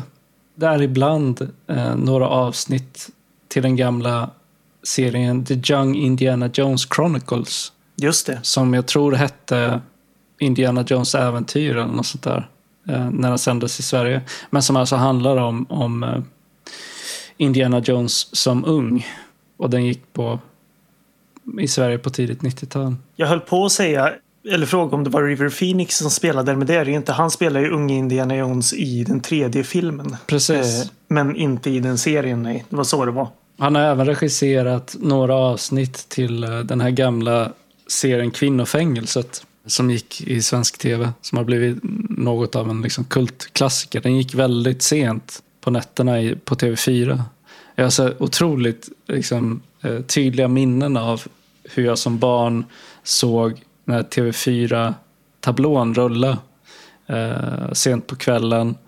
Och att det var liksom Hulken och kvi- kvinnofängelset som gick där runt 12 eller 1 på natten. Och jag var för ung för att liksom någonsin stanna uppe så sent. Jag hade ingen tv på rummet så jag kunde aldrig se dem. Men jag var så jäkla sugen på att se Hulken och sen blev det aldrig av. Liksom. Det var alltid väldigt spännande med det där att, att tvn bara gick på natten när man inte var uppe och tittade. Eh, tänkte, är, det, är det folk som kollar på tv då? jag, hade, det, jag hade ingen egen tv ganska länge på mitt rum heller. Så Nej. det var så här lite mystiskt med de här programmen som gick mitt i natten på tv. De var, det kändes alltid väldigt spännande. Och, och lite så här förbjudet och läskigt med natt-tv. Men Simon Windsor då, som sagt, han... Eh, eh, till exempel Harley Davidson and the Marlboro Man har han regisserat. Eh, jätteflopp tydligen, om jag minns rätt. Det är en väldigt rolig, rolig titel på den filmen. Mm. Jag har inte sett den. Nej, inte jag heller. Men han har regisserat Rädda Willy från 93 som var en av mina barndomsfavoriter. Ja, samma här. Eh, Den första filmen i den serien har han regisserat. Och det är väl den som är hans mest kända film. eh, Och, och kanske liksom största film. Förutom då The Phantom som, som ju var en kommersiell satsning men som tyvärr då floppade. Men sen har han också regisserat eh, den tredje Crocodile Dundee-filmen. Crocodile Dundee i Los Angeles från 2001. Oj, så sent. Det, Ja. det, jag, har, sä- jag har garanterat sett den, men det, det känns eh, på rak arm som att det inte skulle vara så bra. Nej, det tror jag inte att den är. Jag tror att det är trean. Den handlar om hur han eh, kommer till Los Angeles med sin son. Just det, oj, och det är eh, 88, 98. Det är liksom 12 år efter tvåan. Mm. Vad är det han heter, han som spelar Crocodile Dundee? Paul Hogan. Just det, Paul Hogan. En snubbe som... Han ser gammal ut i första Crocodile Dundee, men han ser typ identisk ut i Crocodile Dundee från 2001. Så det var som att han åldrades till en viss punkt. Så att han såg gammal ut och sen blev han inte äldre efter det. Precis, för han var ju 50 eh, i, i första filmen. Men precis, han, han blev 50 och sen stannade det bara. Men vänta, är han så gammal? Är han 50 år i första filmen? Ja, precis. Han född Åh 39. herregud. Eh, född 39 och första filmen kom 86. Vad gjorde han eh, tidigare? 30 år liksom. Han är alltså 65 år i filmen från 2001 då. Ja, tydligen. Men det är intressant för, för han var ju Crocodile Dundee är hans första film. Förutom någon, någon slags tv-film. Så, eller någon serie. Ja. Just det, han var ju med i Flipper också. Kommer du ihåg den filmen då? Eh, delfiner. Det är typ Rädda Willy fast med delfiner. ja. Då blir jag så här, vänta nu, är det den jag har sett? Jag kommer inte ihåg. Det, det, det, är, för, my- det är för mycket samma. ja, precis. Det, det kommer så många liksom. Ja, nej men Simon Windsor. Ja. Eh, och manus är skrivet av Jeffrey Boam, eller Bohm. Mm, Eh, som ju faktiskt har skrivit manus till eh, den tredje Indiana Jones-filmen. Indiana Jones and the Last Crusade. precis. Och även skrivit filmer eh, skrivit manus till filmer som The Lost Boys, Dead Zone, Inner Space och Dödligt vapen 2 och 3. Precis. Eh, han har gjort väldigt mycket bra. Ja. Och sen skådespelarna i filmen är då dels Billy Zane som spelar Fantomen, Kit Walker. Eh, och sen Treat Williams, Christy Swanson, Catherine Zeta-Jones, eh, James Remar och sen eh, den oförglömlige eh, Kari Hiryoko Tagawa. eh, som dyker upp i en väldigt härlig skurkroll roll på slutet av den här filmen. Men om vi börjar med Billy Zane då så är han väl kanske främst känd från Titanic. Ja, för jag, vi, vi, så att jag måste prata om Billy Zane. För jag tänkte på det när, när han dyker upp i den här filmen och är väldigt bra. att Vem var han här och vad gjorde han sen? Så att säga. Jag känner ju egentligen mest igen honom från Twin Peaks. Ja. Han är med i andra säsongen av, av Twin Peaks. Precis. Eh, Och har en, ja, och Titanic såklart. Det var det så enormt länge sedan jag såg den. Men eh, jag har inte någon riktig koll på vad han gjorde innan. Nej, men han, han har ju haft en så ganska eh, märklig karriär i det att han har gjort väldigt mycket men det är, det är väldigt många B-rullar och eller liksom små roller i större filmer.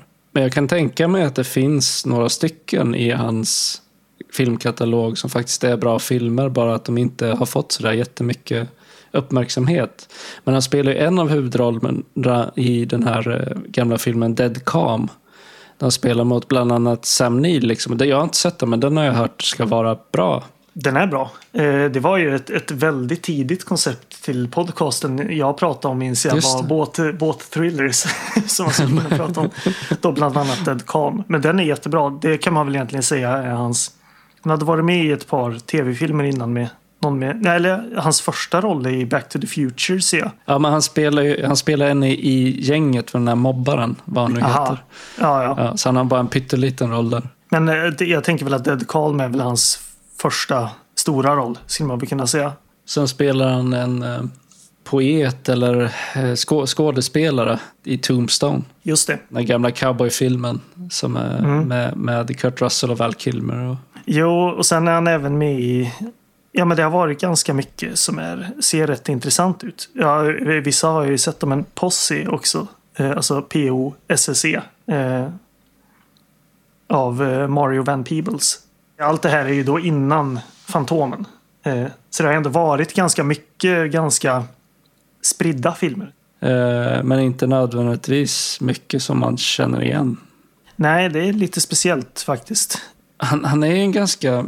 Jag vet inte. Alltså, han är, för jag tycker att han funkar som huvudrollen. Och att han har både liksom karisman och utseendet för att göra den här typen av roller som han gör i Fantomen. Så jag undrar lite varför hans karriär... Ja, men det känns aldrig som att hans karriär riktigt tog fart. Nej, precis. Nej, han, har, han är väldigt charmig. Han har liksom lite leading man-aura. Mm. Han är väldigt charmig. Det, det ska jag ju säga att den, den här charmen kommer verkligen fram även i en film som Dead Calm. Fast Ja, okej. eh, att det är omvänt då, så att säga. Att han är charmig på ett obehagligt sätt. Gentemot i den här filmen där han är charmig på ett väldigt trevligt sätt. Eh, så han, han har ju verkligen någonting som eh, kanske inte riktigt eh, togs tillvara på. Jag, ty- jag tycker att podcasten Rewatchables har ett väldigt intressant koncept i vissa avsnitt när de pratar om det, de använder massa sporttermer och det här är väl också en sån. Men att, att vissa skådisar blir market corrected av andra skådespelare. Att det kan vara två skådisar som lite slåss om samma fält. Och sen kommer en av dem in och tar alla jobb för de båda så att säga. Att de liksom market correctar. Det där sker ju även med regissörer ibland. Och det kan ju mycket väl vara så att, ja men jag vet inte, skådisar, ja men eh, DiCaprio i alla fall till exempel, kanske svepte in och tog de rollerna som Billy Zane också skulle kunna ha tagit. Liksom. Det kan vara något sånt där enkelt bara att det fanns andra skådisar som bara råkade bli mer populära och kända. Som hade liknande roller. Mm. Och sen i rollen som eh, Diane Palmer då, som, som eh, är den här eh, dottern till en rik familj. Han är journalist var hennes pappa i filmen. Visst är han det? Mm, precis. Ja, det är något, något sånt där. Jag för mig att han är någon så här eh, rik och ganska idealistisk nyhetsman Just det. som eh, ja, men slåss mot de här eh, skurkarna i New York. Liksom. Eller tar upp kampen mot dem. Däribland då Sander Drax spelad av Treat Williams. Men eh, Christy Swanson som spelar Diane Palmer, hon har inte heller gjort sådär jättemycket som jag känner igen. Det, är lite kul att hon spelar eh, i den första versionen av Buffy the Vampire Slayer. Ja, precis. Eh, Alltså filmen som kom innan serien någonsin gjorde. Den kom 1992. Och annars har hon spelat i ganska många ja, men mindre kända filmer eller små roller i stora filmer. Precis som ja, men liknande så Billy Zane. Ja, men hon är med i en som film som Ferris Bueller's Day Off till exempel. Men hon har ingen stor roll där. Så hon är ingen person som jag känner igen särskilt väl. Men sen i rollen som eh, antagonisten, då, den stora superskurken, så ser vi Treat Williams som ju är en av dina favoriter. Poddfavoriten Treat Williams, ja. ja, nej, han är, han är lika härlig här som han alltid är. Ja, och, och väldigt många känner väl igen honom från Hair, tänker jag. Men jag kan ju tipsa om... Eh, jag såg filmen Smooth Talk från, jag tror det är 85 eller 84. En väldigt tidig eh, Laura Dern-film. Där Treat Williams också dyker upp i en vad ska man, alltså väldigt seriös roll och väldigt charmig roll. Men också otroligt obehaglig. Eh, han använder allt det här som han gör så bra i charmighet. Eh, men på ett otroligt obehagligt sätt. Den, kan man, den ska man absolut se. Väldigt, jag tror det är en eh, Joyce Carol Oates eh, berättelse från början som är filmatiserad. man kan säga att han... Nej, jag ska inte avslöja så mycket. Man, man kan se den i alla fall. Väldigt bra. Ja. Han är jäkligt bra på att spela den här typen av over the top karaktärer som han gör i den här filmen. Det märks att han är väldigt roligt när han spelar. Mm. Den här superskurken Sander Drax. Han är ju liksom, han blir nästan som en karikatyr på en, ja men en skurk. Vilket tjänar den här filmen väldigt väl, eh, skulle jag säga.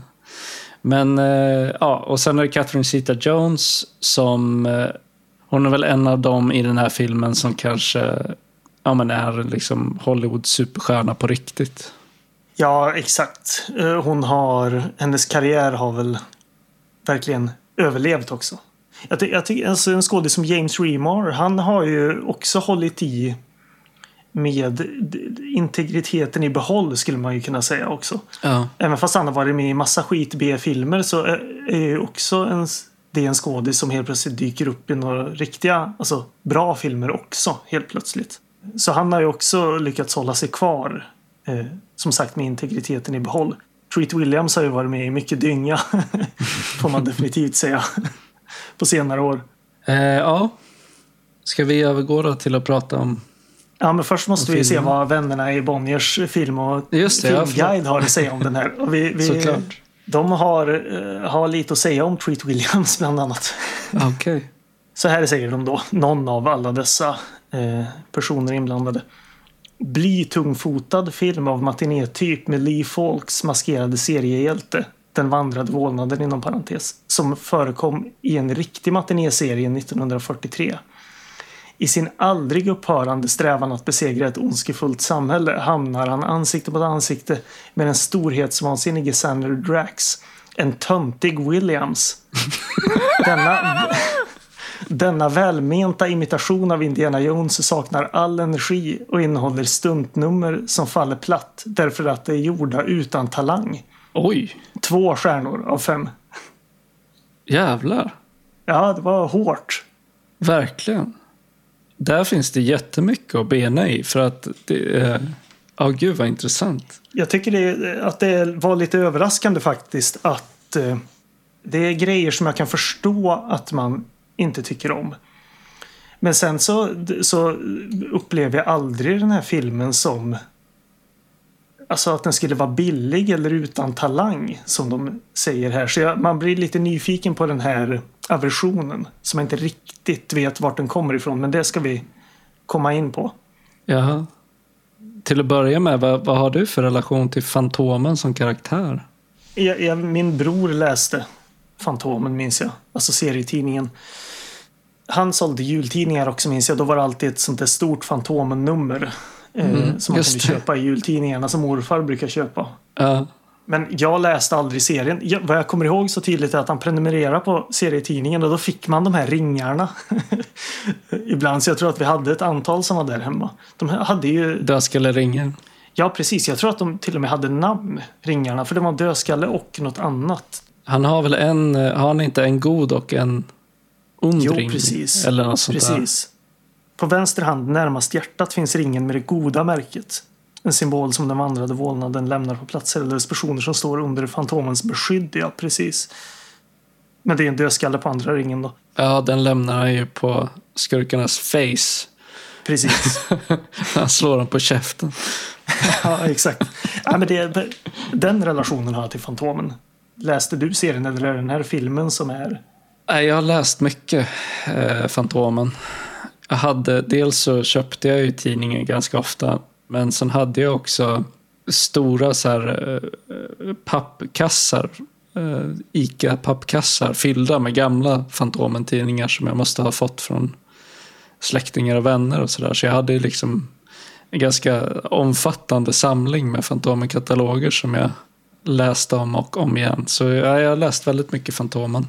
Jag ska skicka en bild åt er. Ehm, Mm. Så ska vi se om du har samma relation till just detta som jag har.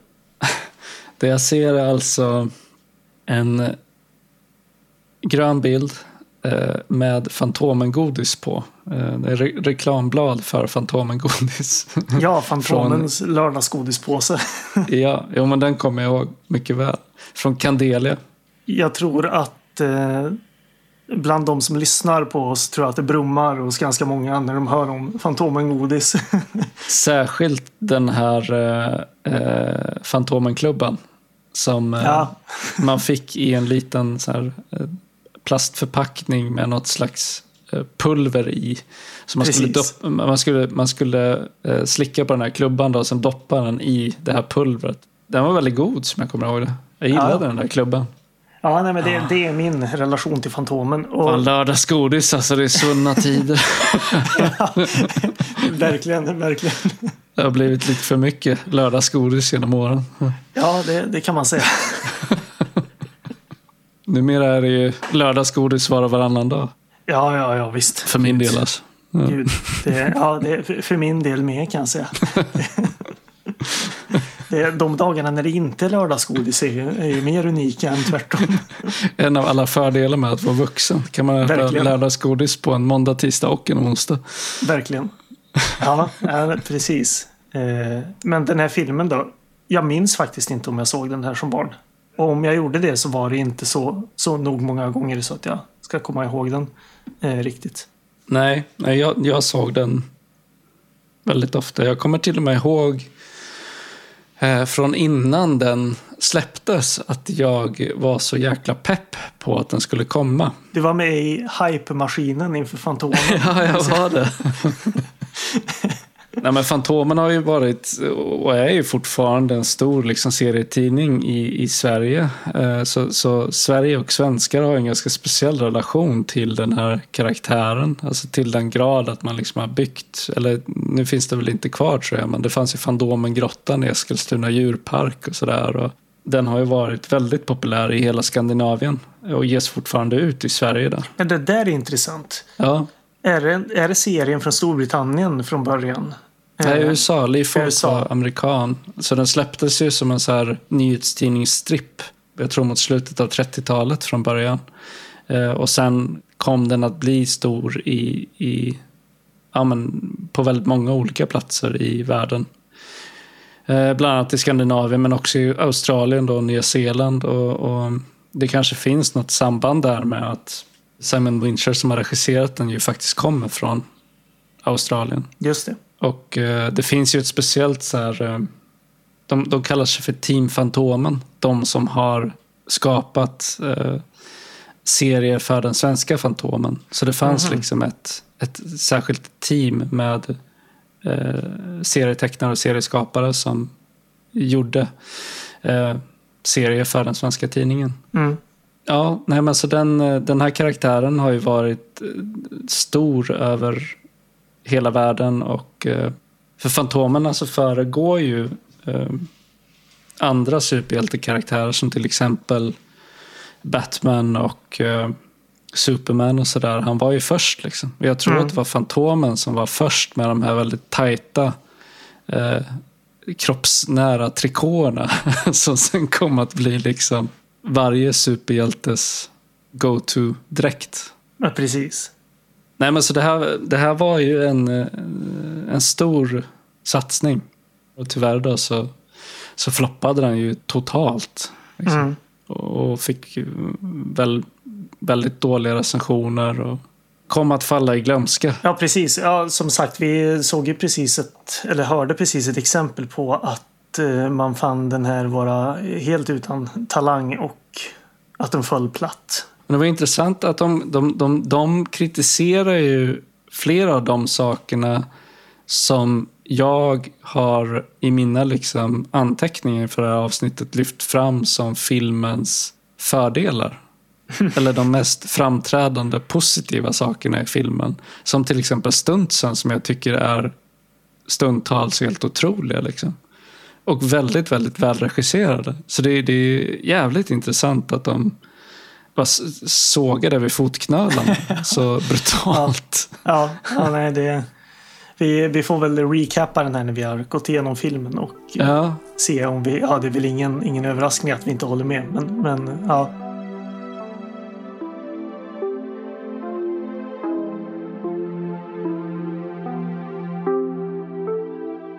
Ja, men filmen börjar ju då ute i den bengaliska djungeln eh, där vi möter eh, James Remar och eh, hans skurkkumpaner som tar sig djupare in i djungeln för att hitta de här dödskallarna av Toganda då, som, som enligt legenden bär på magiska krafter.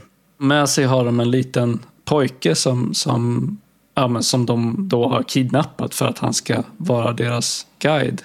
Eh, och jag tycker att de på ett väldigt effektivt sätt här i början av filmen gör det väldigt tydligt för tittarna vad det är för slags skurkar som vi har att göra med här genom hur de liksom pratar med och behandlar den här lilla pojken. Mm. För de är ju otroligt råa och, och eh, bryr sig inte om han liksom lever eller dör. Så när de kommer fram till den här återigen väldigt skrangliga eh, eh, hängbron Den liknande den, som vi såg karaktäristiska i... hängbron som återkommer. Undrar om det är samma hängbro som i Djungelhjort. Jag tror att den här är lite kortare. Ja, det är en som de bara lappar ihop. Ja, precis. Ja, nej, men de kommer fram dit eh, i sin stora liksom, skåpbil då, som de kör genom den här djungeln och eh, inser ju att eh, det kommer, det är inte säkert att den här bron kommer hålla för den här bilen. Och eh, då tvingar de den här lilla pojken att ensam köra den över till andra sidan. De säger väl något i stil med att ja, men den håller nog inte om vi eh, kör. Så, ja, men hur löser vi det då? Så ser man bara att han, att den lille pojken får köra bilen. Ja, Medan de står och väntar på andra sidan. Precis. ja, det, det är hemskt men det är ganska kul också. Det är en kul klippning där att man... att de, ja. Eh, Men de kommer till den här grottan och, och de, där hittar de en massa skatter. Eh, och sen stöter de ju även på ett eh, levande skelett, visar det sig. Mm. Ett av de här skeletten vaknar till liv och stryper en av de här skurkarna. Och eh, ja, då tar de skallen och dra, drar därifrån. Men sen så stöter de ju på problem när de försöker eh, ta sig tillbaka vägen de kom ifrån för att lämna djungeln. Då. Vad händer då Jonathan? Vem, vem är det som kommer då? Ja, det är ju Fantomen som, som rider in i filmen. Och det är det här, här tänkte jag ju då på först när jag såg filmen och sen när jag såg det här omslaget. Så som det är i filmen så introduceras ju karaktären väldigt hastigt och kvickt. Att han bara liksom flyger in på sin häst där.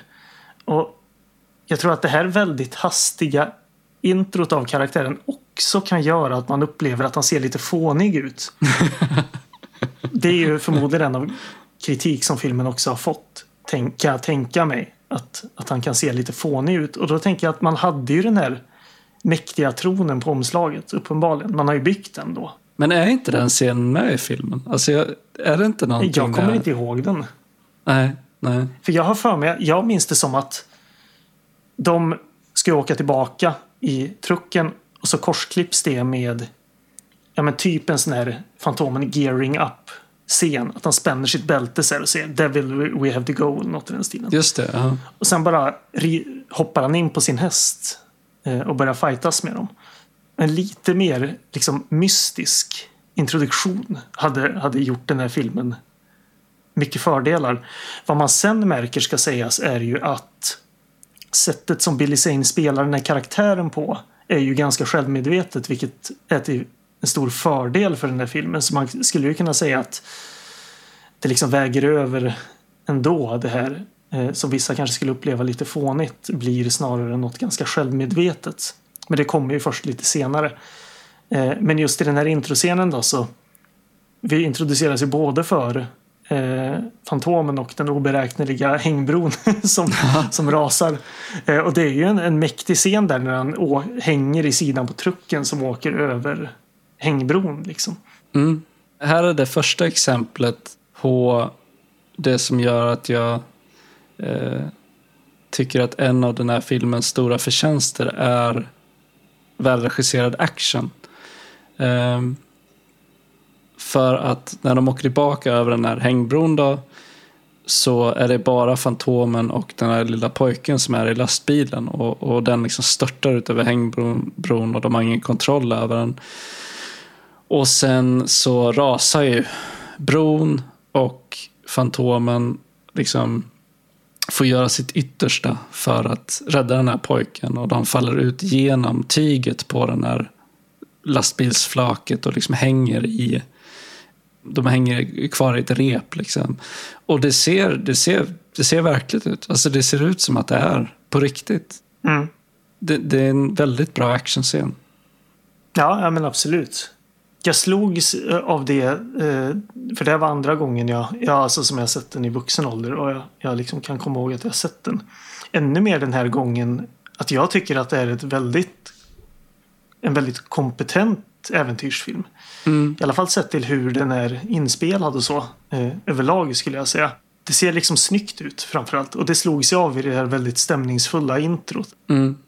Till skillnad från eh, väldigt mycket action som har kommit liksom på senare år så det är aldrig svårt att följa med i vad som händer i actionsekvenserna.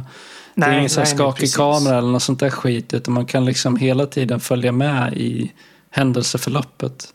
Det finns ju en annan väldigt, väldigt avancerad actionscen som utspelar sig på ett sånt här pontonflygplan. Mm. Eh, De får slut på bensin och måste liksom hoppa av det här flygplanet i farten och hoppa från en av pontonerna ner på hans häst. Och den är också otro, alltså otroligt välregisserad scen. Ja, ja, absolut. Och jag vet inte hur de har gjort det men det ser ut som att det är någon som hänger från den här pontonen på riktigt. Liksom. Ja, ja, ja, visst. Ser livsfarligt ut. Ja. Och, överlag, alltså, utöver att det, den har väldigt fina actionsekvenser och sådär så tycker jag att filmen i, i helhet är väldigt snygg. Det är också en, en Mm, verkligen. väldigt mycket fin dekor och så imponerande kulisser och alltså så här välrealiserat amerikanskt 30 eller 40-tal eller när den nu ska utspela sig. Ehm, så den är väldigt snygg. Ja, verkligen. En sak jag tänkte på eh, under den här, för här blir det ju då också lite, man klipper ju lite mellan djungeln och Fantomen då. Vad han sysslar med så att säga. Men sen också så introduceras man ju för, eh, vad heter hon nu? Christy Swansons karaktär. Diane Palmer. Ja, Diane Palmer. Hennes karaktär introduceras man ju också för eh, på annat håll då i New York. Hon kommer väl tillbaka från någonstans. Eh, har hon inte varit på, på någon resa? Jo, precis. Lite liknande setup eh, som i Djungel-George. Att hon, Mm. hon har en väldigt Faktiskt. eh, proper pojkvän som hon ska kanske inte gifta sig med. Men det är ju en väldigt rolig karaktär. Jag tycker, tycker mycket om honom. Jimmy. Ja, drygrik slyngel. Ja, men han, men han är inte... Ja, verkligen så. Men samtidigt så, så gör de ändå någonting av honom sen. Eh, vilket är lite kul. Man kastar inte helt bort hans karaktär som, som bara en, en påfrestande. Han är inte ond som Thomas Hayden Church karaktär i Djungel George. precis. precis. Eh, en sak som jag tänkte på lite genom hela den här filmen är ju att om man nu, nu har ju redan har ju redan eh, liksom referen- eller kopplingen till Indiana Jones dragits. Mm, och jag tänkte lite på hur de skiljer sig från varandra för det är ganska tydligt ändå att man vill åt någon slags Indiana Jones ådra. Men Indiana Jones är ju också Viljan med den är ju också att man vill likna den här typen av äldre matinéäventyr. Eh, men där Indiana Jones känns lite mer modern i det att den gör det utan att vara så övertydlig. Så jag tycker att den här filmen mer har de här influenserna väldigt tydligt. Men utan med det sagt att det skulle bli någon slags pastisch. Men här gör man det mer tydligt vilka typer av influenser man vill efterlikna. Men det funkar just på grund av att Billy Zane samtidigt är spelar den här karaktären väldigt självmedvetet. Mm. Jag tycker att det är en av filmens styrkor. Och jag tror att det är en av de saker som den har blivit kritiserad för. Just att den är lite töntig och sådär.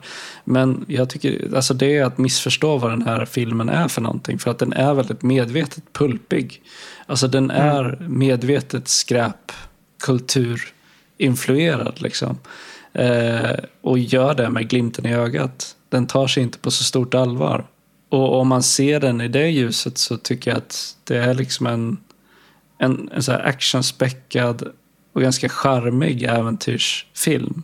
gamla skolans äventyrsfilm i, i så liknande anda som just Indiana Jones. Det är väl kanske talande också då att, att uh, manusförfattarna ju har skrivit manus till en av Indiana Jones-filmerna. Ja, precis.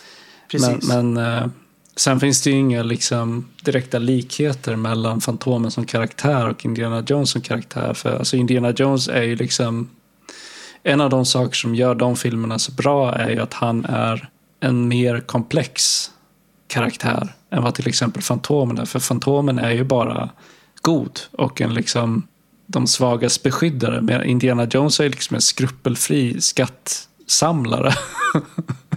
som hela tiden tampas med sig själv när det kommer till att så här, ja, men ska han göra det som är rätt och rädda de människor som hamnar i nöd på grund av hans liksom, skattletande eller ska han koncentrera sig på att ta skatten? Liksom?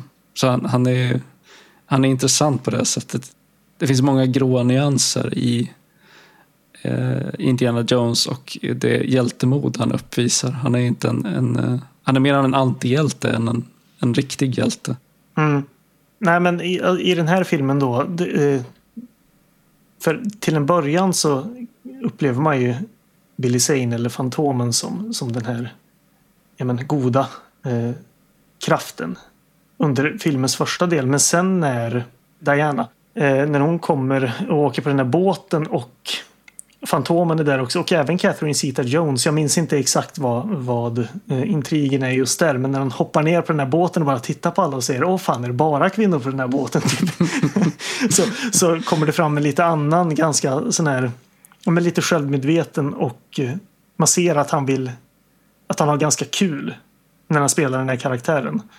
Ja. De har ju kidnappat Diane Palmer. De ska ju eh, ja, begära en lösensumma. Eh, så Catherine Zeta-Jones och James Remar på, på Sandra Dracks befallning har kidnappat Diane Palmer. Uh, och Catherine Zeta-Jones karaktär då, hon, hon uh, är ju kapten på den här båten. Och har en besättning enbart bestående av kvinnor. Mm. Nej men precis, det, det, är en, det är en väldigt rolig scen och där kommer ju liksom de komiska inslagen fram än, än, ännu mer tydligt. Eh, som sen är genomgående i, i filmen. Och eh, ja, man förstår även att, att eh, Fantomen, då, eller Kit Walker, har en historia med Diane Palmer men hon vet inte om att han är Fantomen.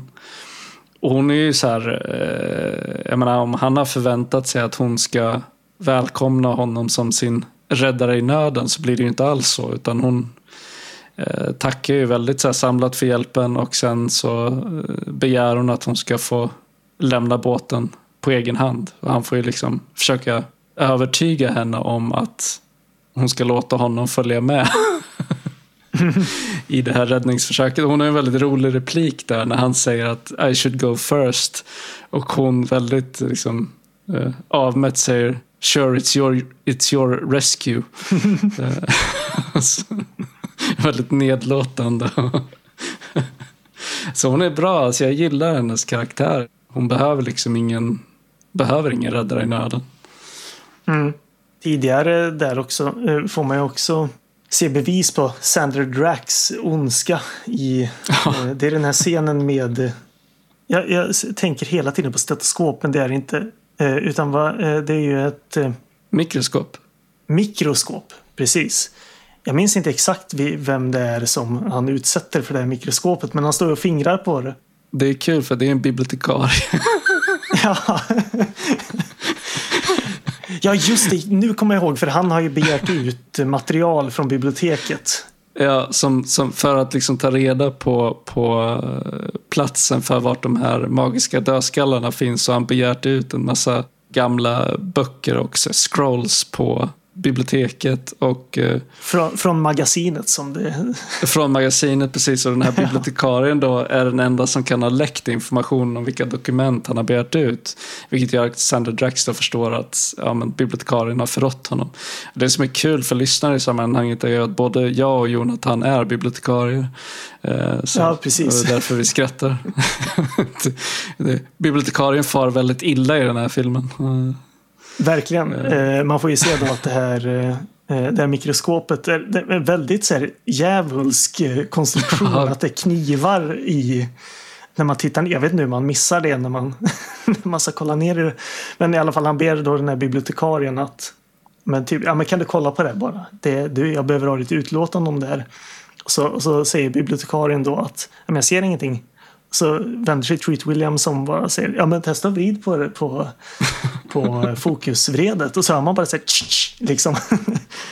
Och det är väldigt mörkt i sin implikation för man får givetvis inte se någonting av det här men, men ändå väldigt djävulsk fälla som man har konstruerat. Ja, verkligen. Och, och scenen avslutas med att han bryter bibliotekariens glasögon på mitten och säger I guess you won't be needing these anymore. ja, precis. med, med ett, ett, ett eh, här, lite snett flin som, som han gör ja. så bra. Men det finns ju en annan sån där scen som också är väldigt rå. Där han sitter tillsammans med äh, sällskapet av äh, ledarna för New Yorks undre värld. Och liksom dividerar om äh, ja, men om de ska ge sig av för att hitta de här dödskallarna eller inte. Och det finns en eh, maffiabossledare i det här sällskapet som är väldigt skeptisk till att ge sig ut på liksom, skattjakt efter magiska dödskallar. Och eh, säger liksom, nej men jag drar ifrån, jag vill inte vara med på det här. Och Sander Drax plockar upp ett, här, ett spjut liksom. Och, och kastar det genom rummet och spetsar den här killen genom bröstkorgen mot väggen. uh, och det får man ju till skillnad från den mikroskopscenen faktiskt se. Att han blir spetsad ja. på det här spjutet. Det är väldigt rå scen. Uh, och jag, var, jag var tio år när den här filmen kom. Och jag kommer ihåg just den scenen och den här mikroskopscenen som att uh, jag tyckte att de var lite läskiga på riktigt. För att mitt i all den här, vad ska man säga, ja, men ganska snälla matinékänslan som genomsyrar stora delar av filmen så kom de här väldigt, väldigt råa inslagen. Men jag tycker att det gör filmen bättre i slutändan. Mm, ja, ja, verkligen. Det är återigen det här med att på ett väldigt effektivt sätt eh, visa vad det här är för typ av karaktär som vi har att göra med. Att det råder inga som helst tvivel om att Treat Williams är en liksom, samvetslös psykopat som bara är ute efter makt. Alltså man vet inte heller vad hans slutmål är förutom liksom ultimate power. Precis. Han vill ha den ultimata vakten men utöver det så verkar det inte vara någon, någon liksom konkret plan kring vad han ska göra med den förutom att få världsherravälde. Att vara allmänt ond. Ja, precis. Men det behöver inte vara så mycket mer än så. Nej, och jag gillar det. Alltså jag gillar ja. att handlingen i den här filmen, själva liksom intrigen är inte så jävla viktig. Det handlar om gott eh, versus ont och det är liksom i princip alla karaktärer i filmen tillhör det ena eller andra lägret utan undantag. Förutom Catherine Zeta-Jones, som jag vet inte om du tänkte på det, men hon är den enda karaktären i den här filmen som har någon form av karaktärskurva. Alltså som förändras under filmens gång. Ja, ja men det, det tänkte jag på och jag tänkte, eh, jag vet inte om det var jag som var ofokuserad eller om det är otydligt, men jag, jag missade lite vart den faktiska vändningen kommer. I att hon börjar hjälpa Fantomen och Diana framåt slutet. Eh, det var inte helt tydligt men som sagt det kan också vara jag som har, har missat det. Nej men det, det, det finns några scener som leder fram till det. Däribland en som är eh, i en taxi där jag tror Diane vänder sig om liksom och tilltalar henne och säger så här, varför är du så ond? Liksom, eller varför, mm varför gör du det här? Hon säger någonting som, och då kan man se på, på Sala då, som Catherine Zeta-Jones karaktär heter, att hon blir lite ställd av den här frågan. Och sen kommer de ju i slutet till eh, Kabai Singhs piratö för att hitta den här sista dödskallen. Och där säger hon typ, ja men hon, hon eh, adresserar eh, Diane Palmer och säger liksom uh, us girls should stick together. Men, uh, nej men, för hon är ju den enda karaktären som har någon karaktärsutveckling. Alltså att de går från att vara väldigt, liksom, ja men en, en skurk i början av filmen till att i slutändan få någon form av redemption liksom för att hon, hon väljer, väljer den andra sidan. Ja, nej men verkligen. Just det, ja. Det måste vi verkligen prata om. Här, precis som i Djungelgeorge då, så tycker jag verkligen om miljöombytet man får här när de kommer till New York och då Fantomen Ja. blir. Det har vi egentligen inte, inte riktigt nämnt, men man gör ju samma grej här att han blir ju Kit Walker istället och eh, åker till New York då för att fortsätta jakten efter eh, de här dödskallarna där. Eh, och det är ju kanon helt enkelt. Ja, jag skrev det- till och med att jag, jag glömmer faktiskt att ta så mycket anteckningar efter det här. för att eh, jag tycker det är härligt bara. Eh, en blandning av liksom härliga dialogscener eh, mellan honom och eh, Diane Palmer och blandat med, med, ja, med riktigt bra actionsekvenser när han liksom bland annat när han hoppar över biltak i, för att ta sig över en av de här stora Eh, gatorna i, i New York. Liksom. Vilket också är på riktigt. Du har en stuntman där som hoppar över de här taken. Bilar i, i färd liksom. Uh, han flyr in på ett zoo och gömmer sig hos en tiger för att polisen inte ska få tag på honom. Det är bra helt enkelt. Och det säger, säger mer än, än nog liksom sett till vilket uppenbart liksom vilken syn många har haft i alla fall på den här filmen och vad det egentligen är. Jag tycker inte det finns så många bitar där den egentligen fallerar på, speciellt inte vad det gäller det, den kritiken den har fått. Vad det gäller den här recensionen vi läste tidigare då, så är det ju bara eh, fel. liksom. Ja, Eh, Jag tycker att den snarare tvärtom är, är rent generellt sett kompetent och spännande och ja, men underhållande framför allt. Jag satt och funderade lite nu och, och det är ju det, det, vad jag kan tänka är ju att eh, man 1996 inte ville ha ett gammalt matinéäventyr. Då ville man ha Pulp Fiction-kopior. Ja. Liksom. Man hade gått vidare eh, kanske. Eller man tyckte att man hade gjort det i alla fall. Och framförallt var det väl inte coolt att tycka att Fantomen är bra. nej. Eh, utan man var väl hyfsat i alla fall eh, inne i, i indie, indie-vågen fortfarande. Eh, det var liksom inte Fantomen som var det som, som man skulle tycka om. Nej, och det här var ju innan den liksom stora superhjältevågen av filmer inleddes också. Mm. Och jag tror att jag menar, några år innan den här kom så kom ju också Batman återkomsten. Som jag också tycker är en väldigt bra film men som inte eh, blev särskilt väl mottagen. Jag tror för att eh, den, den upplevdes vara alldeles för mörk och konstig för den unga publik som den marknadsfördes till. Mm. Och nej, men jag tror inte att superhjältar var inte på modet 1996. Nej, och en annan film som faktiskt ska omnämnas här som jag inte har sett men som jag vet många tänker på i ja, men samma andetag så att säga som Fantomen är ju filmen The Shadow som kom 1994 eh, med Alec Baldwin som också är eh, tydligen var en totalflopp som även den är baserad på en seriestripp från 30-talet. Ja. Eh, så det är ju två filmer baserade på som sagt The Shadow, eller jag antar att det är Skuggan eh, som det är översatt till svenska. Är lite liknande grejer. Och ingen av dem gick ju bra överhuvudtaget. Så det var väl svårt vid den här tiden med Mm. den här typen av material. Man gjorde ju två väldigt tappra försök uppenbarligen. Som inte gick något av dem. Jag vet inte hur eh, fräscht det var heller 1996 med att liksom skildra den här vite mannen som, som kung över djungeln. Liksom. Det kanske inte... Jag, Nej. alltså jag tror att det skulle aldrig lira idag, men jag vet inte hur det var 1996.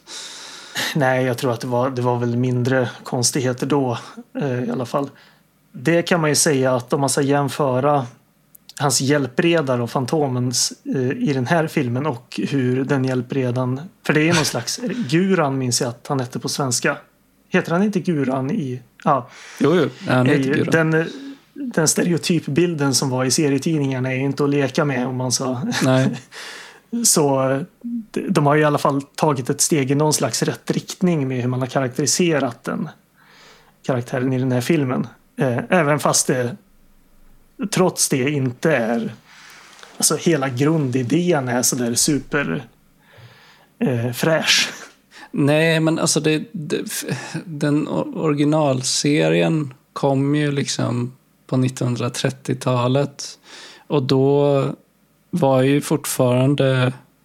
Alltså serien har ju väldigt koloniala drag. Så Ja, oh ja. jag tror oh ja. att det kommer att förändras lite i... Alltså när, när liksom senare serietecknare som i Skandinavien och sådär tog sig an den här karaktären och berättelsen. Den blev någonting annat än vad den kanske var från första början. Liksom. Ja, men absolut. Så kan det absolut vara.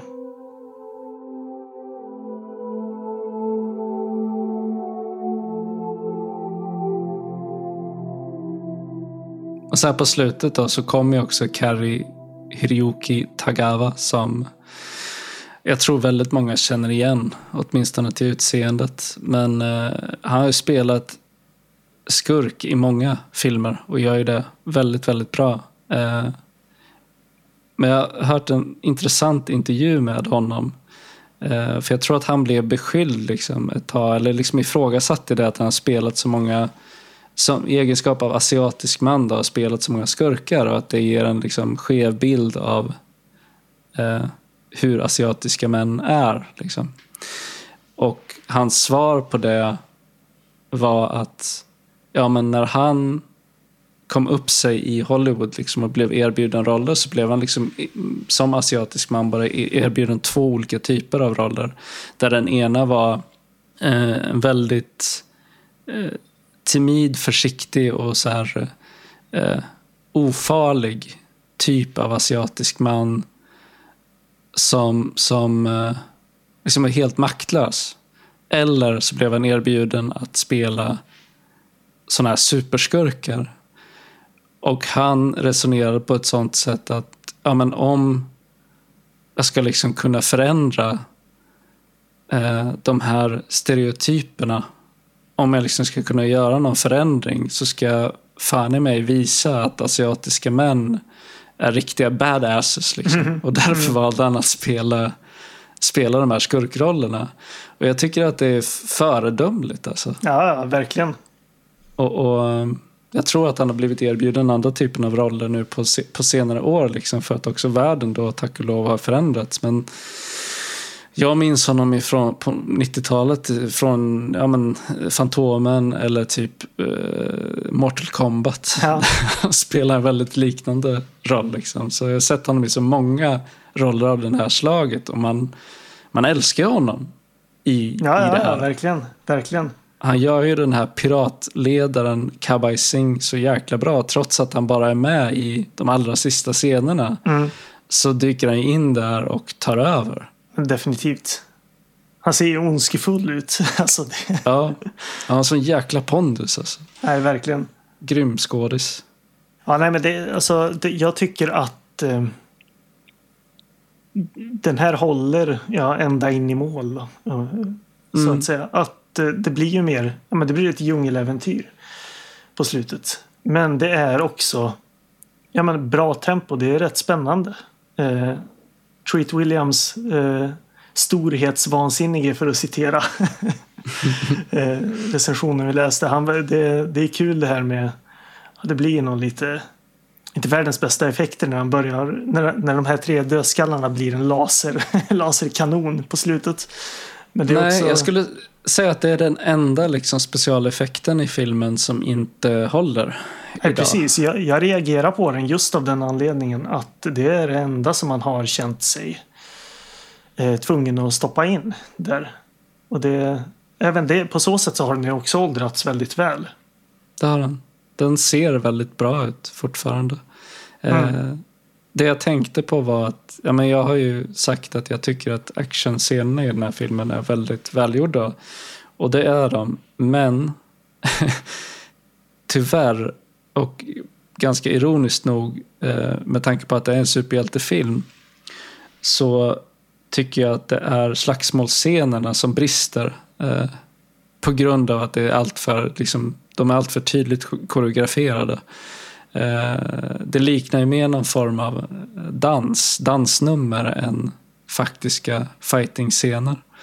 Eh, alltså så här riktigt töntiga grejer som jag i och för sig tyckte var jäkligt coolt när jag var liten. Men Fantomen när han liksom när han gör sin entré i den här piratgrottan på slutet och drar sina två eh, pickadoller så istället för att liksom göra som en normal människa skulle göra och skjuta med armarna utåt sidorna så liksom sätter han pistolerna i kors och skjuter åt, åt liksom motsatt håll.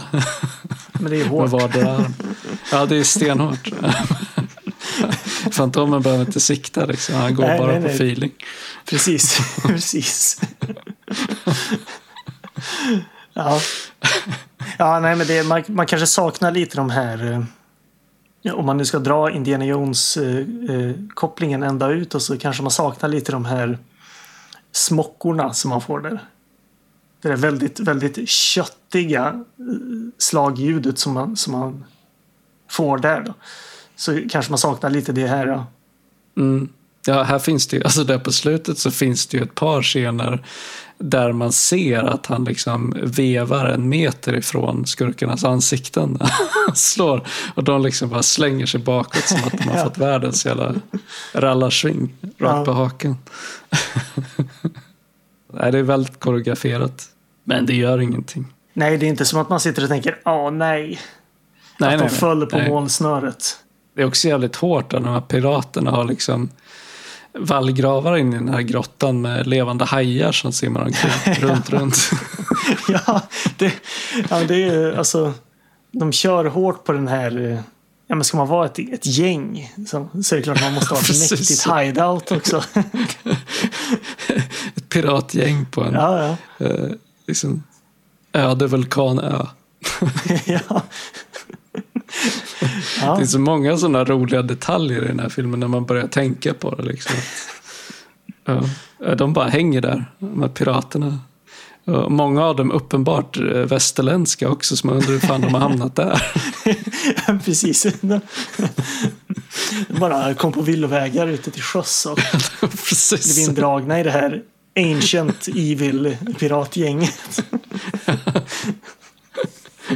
Och också så här, vart piratar de någonstans nu för tiden? Liksom? Vad är det? Vem ger de sig på? Ja, just det. Ja, men precis. Alltså ett piratgäng 1930. ja, men precis. Just det. Och det är ändå, det är ändå liksom sabel, sabelpirater. Ja, ja visst. Det är den här... Sabelpirater. Inte, inte riktigt träben då kanske, men det är ändå den piratligan man är ute, den piratlucken man är ute efter piraterna verkar ju inte ha utvecklats för fem öre sedan 1500-talet utan de kör stenhårt på... ja, ja, precis. samma kläder, vapen, samma kanoner liksom. Varför ändra ett, ett vinnande koncept? man, man ska inte hålla på. Har man, har man en look så ska man köra på den. Det är eftersträvansvärt ändå. ja. Ja, nej men eh, Väldigt bra film, tycker jag. Ja, Underhållande rakt igenom. Det är väldigt bra pacing i den här filmen. Den är liksom aldrig tråkig. Den håller tempot uppe. Eh, det är bra skådespelare. På det stora hela liksom bra dialog. Ja, det, det är liksom det, framförallt många roliga skådespelare och, och de är ju bra rakt igenom. Jag tyckte det var kul att, att James Remar till exempel eh, jag hade glömt att han ändå är en, en återkommande karaktär genom nästan hela filmen. Jag tänkte först att ja, vad kul att han är med i, i början här men sen så är han är ju faktiskt den återkommande karaktären av huvudrollerna. Så ja, nej men det är verkligen det, det är ett, en väldigt bra äventyrsfilm som, som håller. Eh, och som absolut bör ses. Den här typen av eh, äventyrs-actionfilm som jag tycker om där handlingen håller sig ur vägen för karaktärerna och liksom härliga actionsekvenser. Ja, precis. Du behöver inte hålla reda på så jäkla mycket utan du kan bara hänga med. Liksom. Nej, exakt. Det, ibland är det skönt att slippa allt gegg Mm. Mm. och, och bara få ett bra äventyr. Ja, nej, men jag, den här tycker jag också att vi ska plocka upp ur rännstenen. Mm, Utan tvekan. absolut. I nästa avsnitt då? Vi stannar, vi stannar ju i djungeln Ja, vi stannar ett tag till. ett tag till innan vi flyger hem. eh, nästa avsnitt blir också lite spännande. Ja. Vi får se om vi, eh, om vi håller samma kvalitet också får man ju ändå säga. På filmerna ja. Eller menar du du och jag?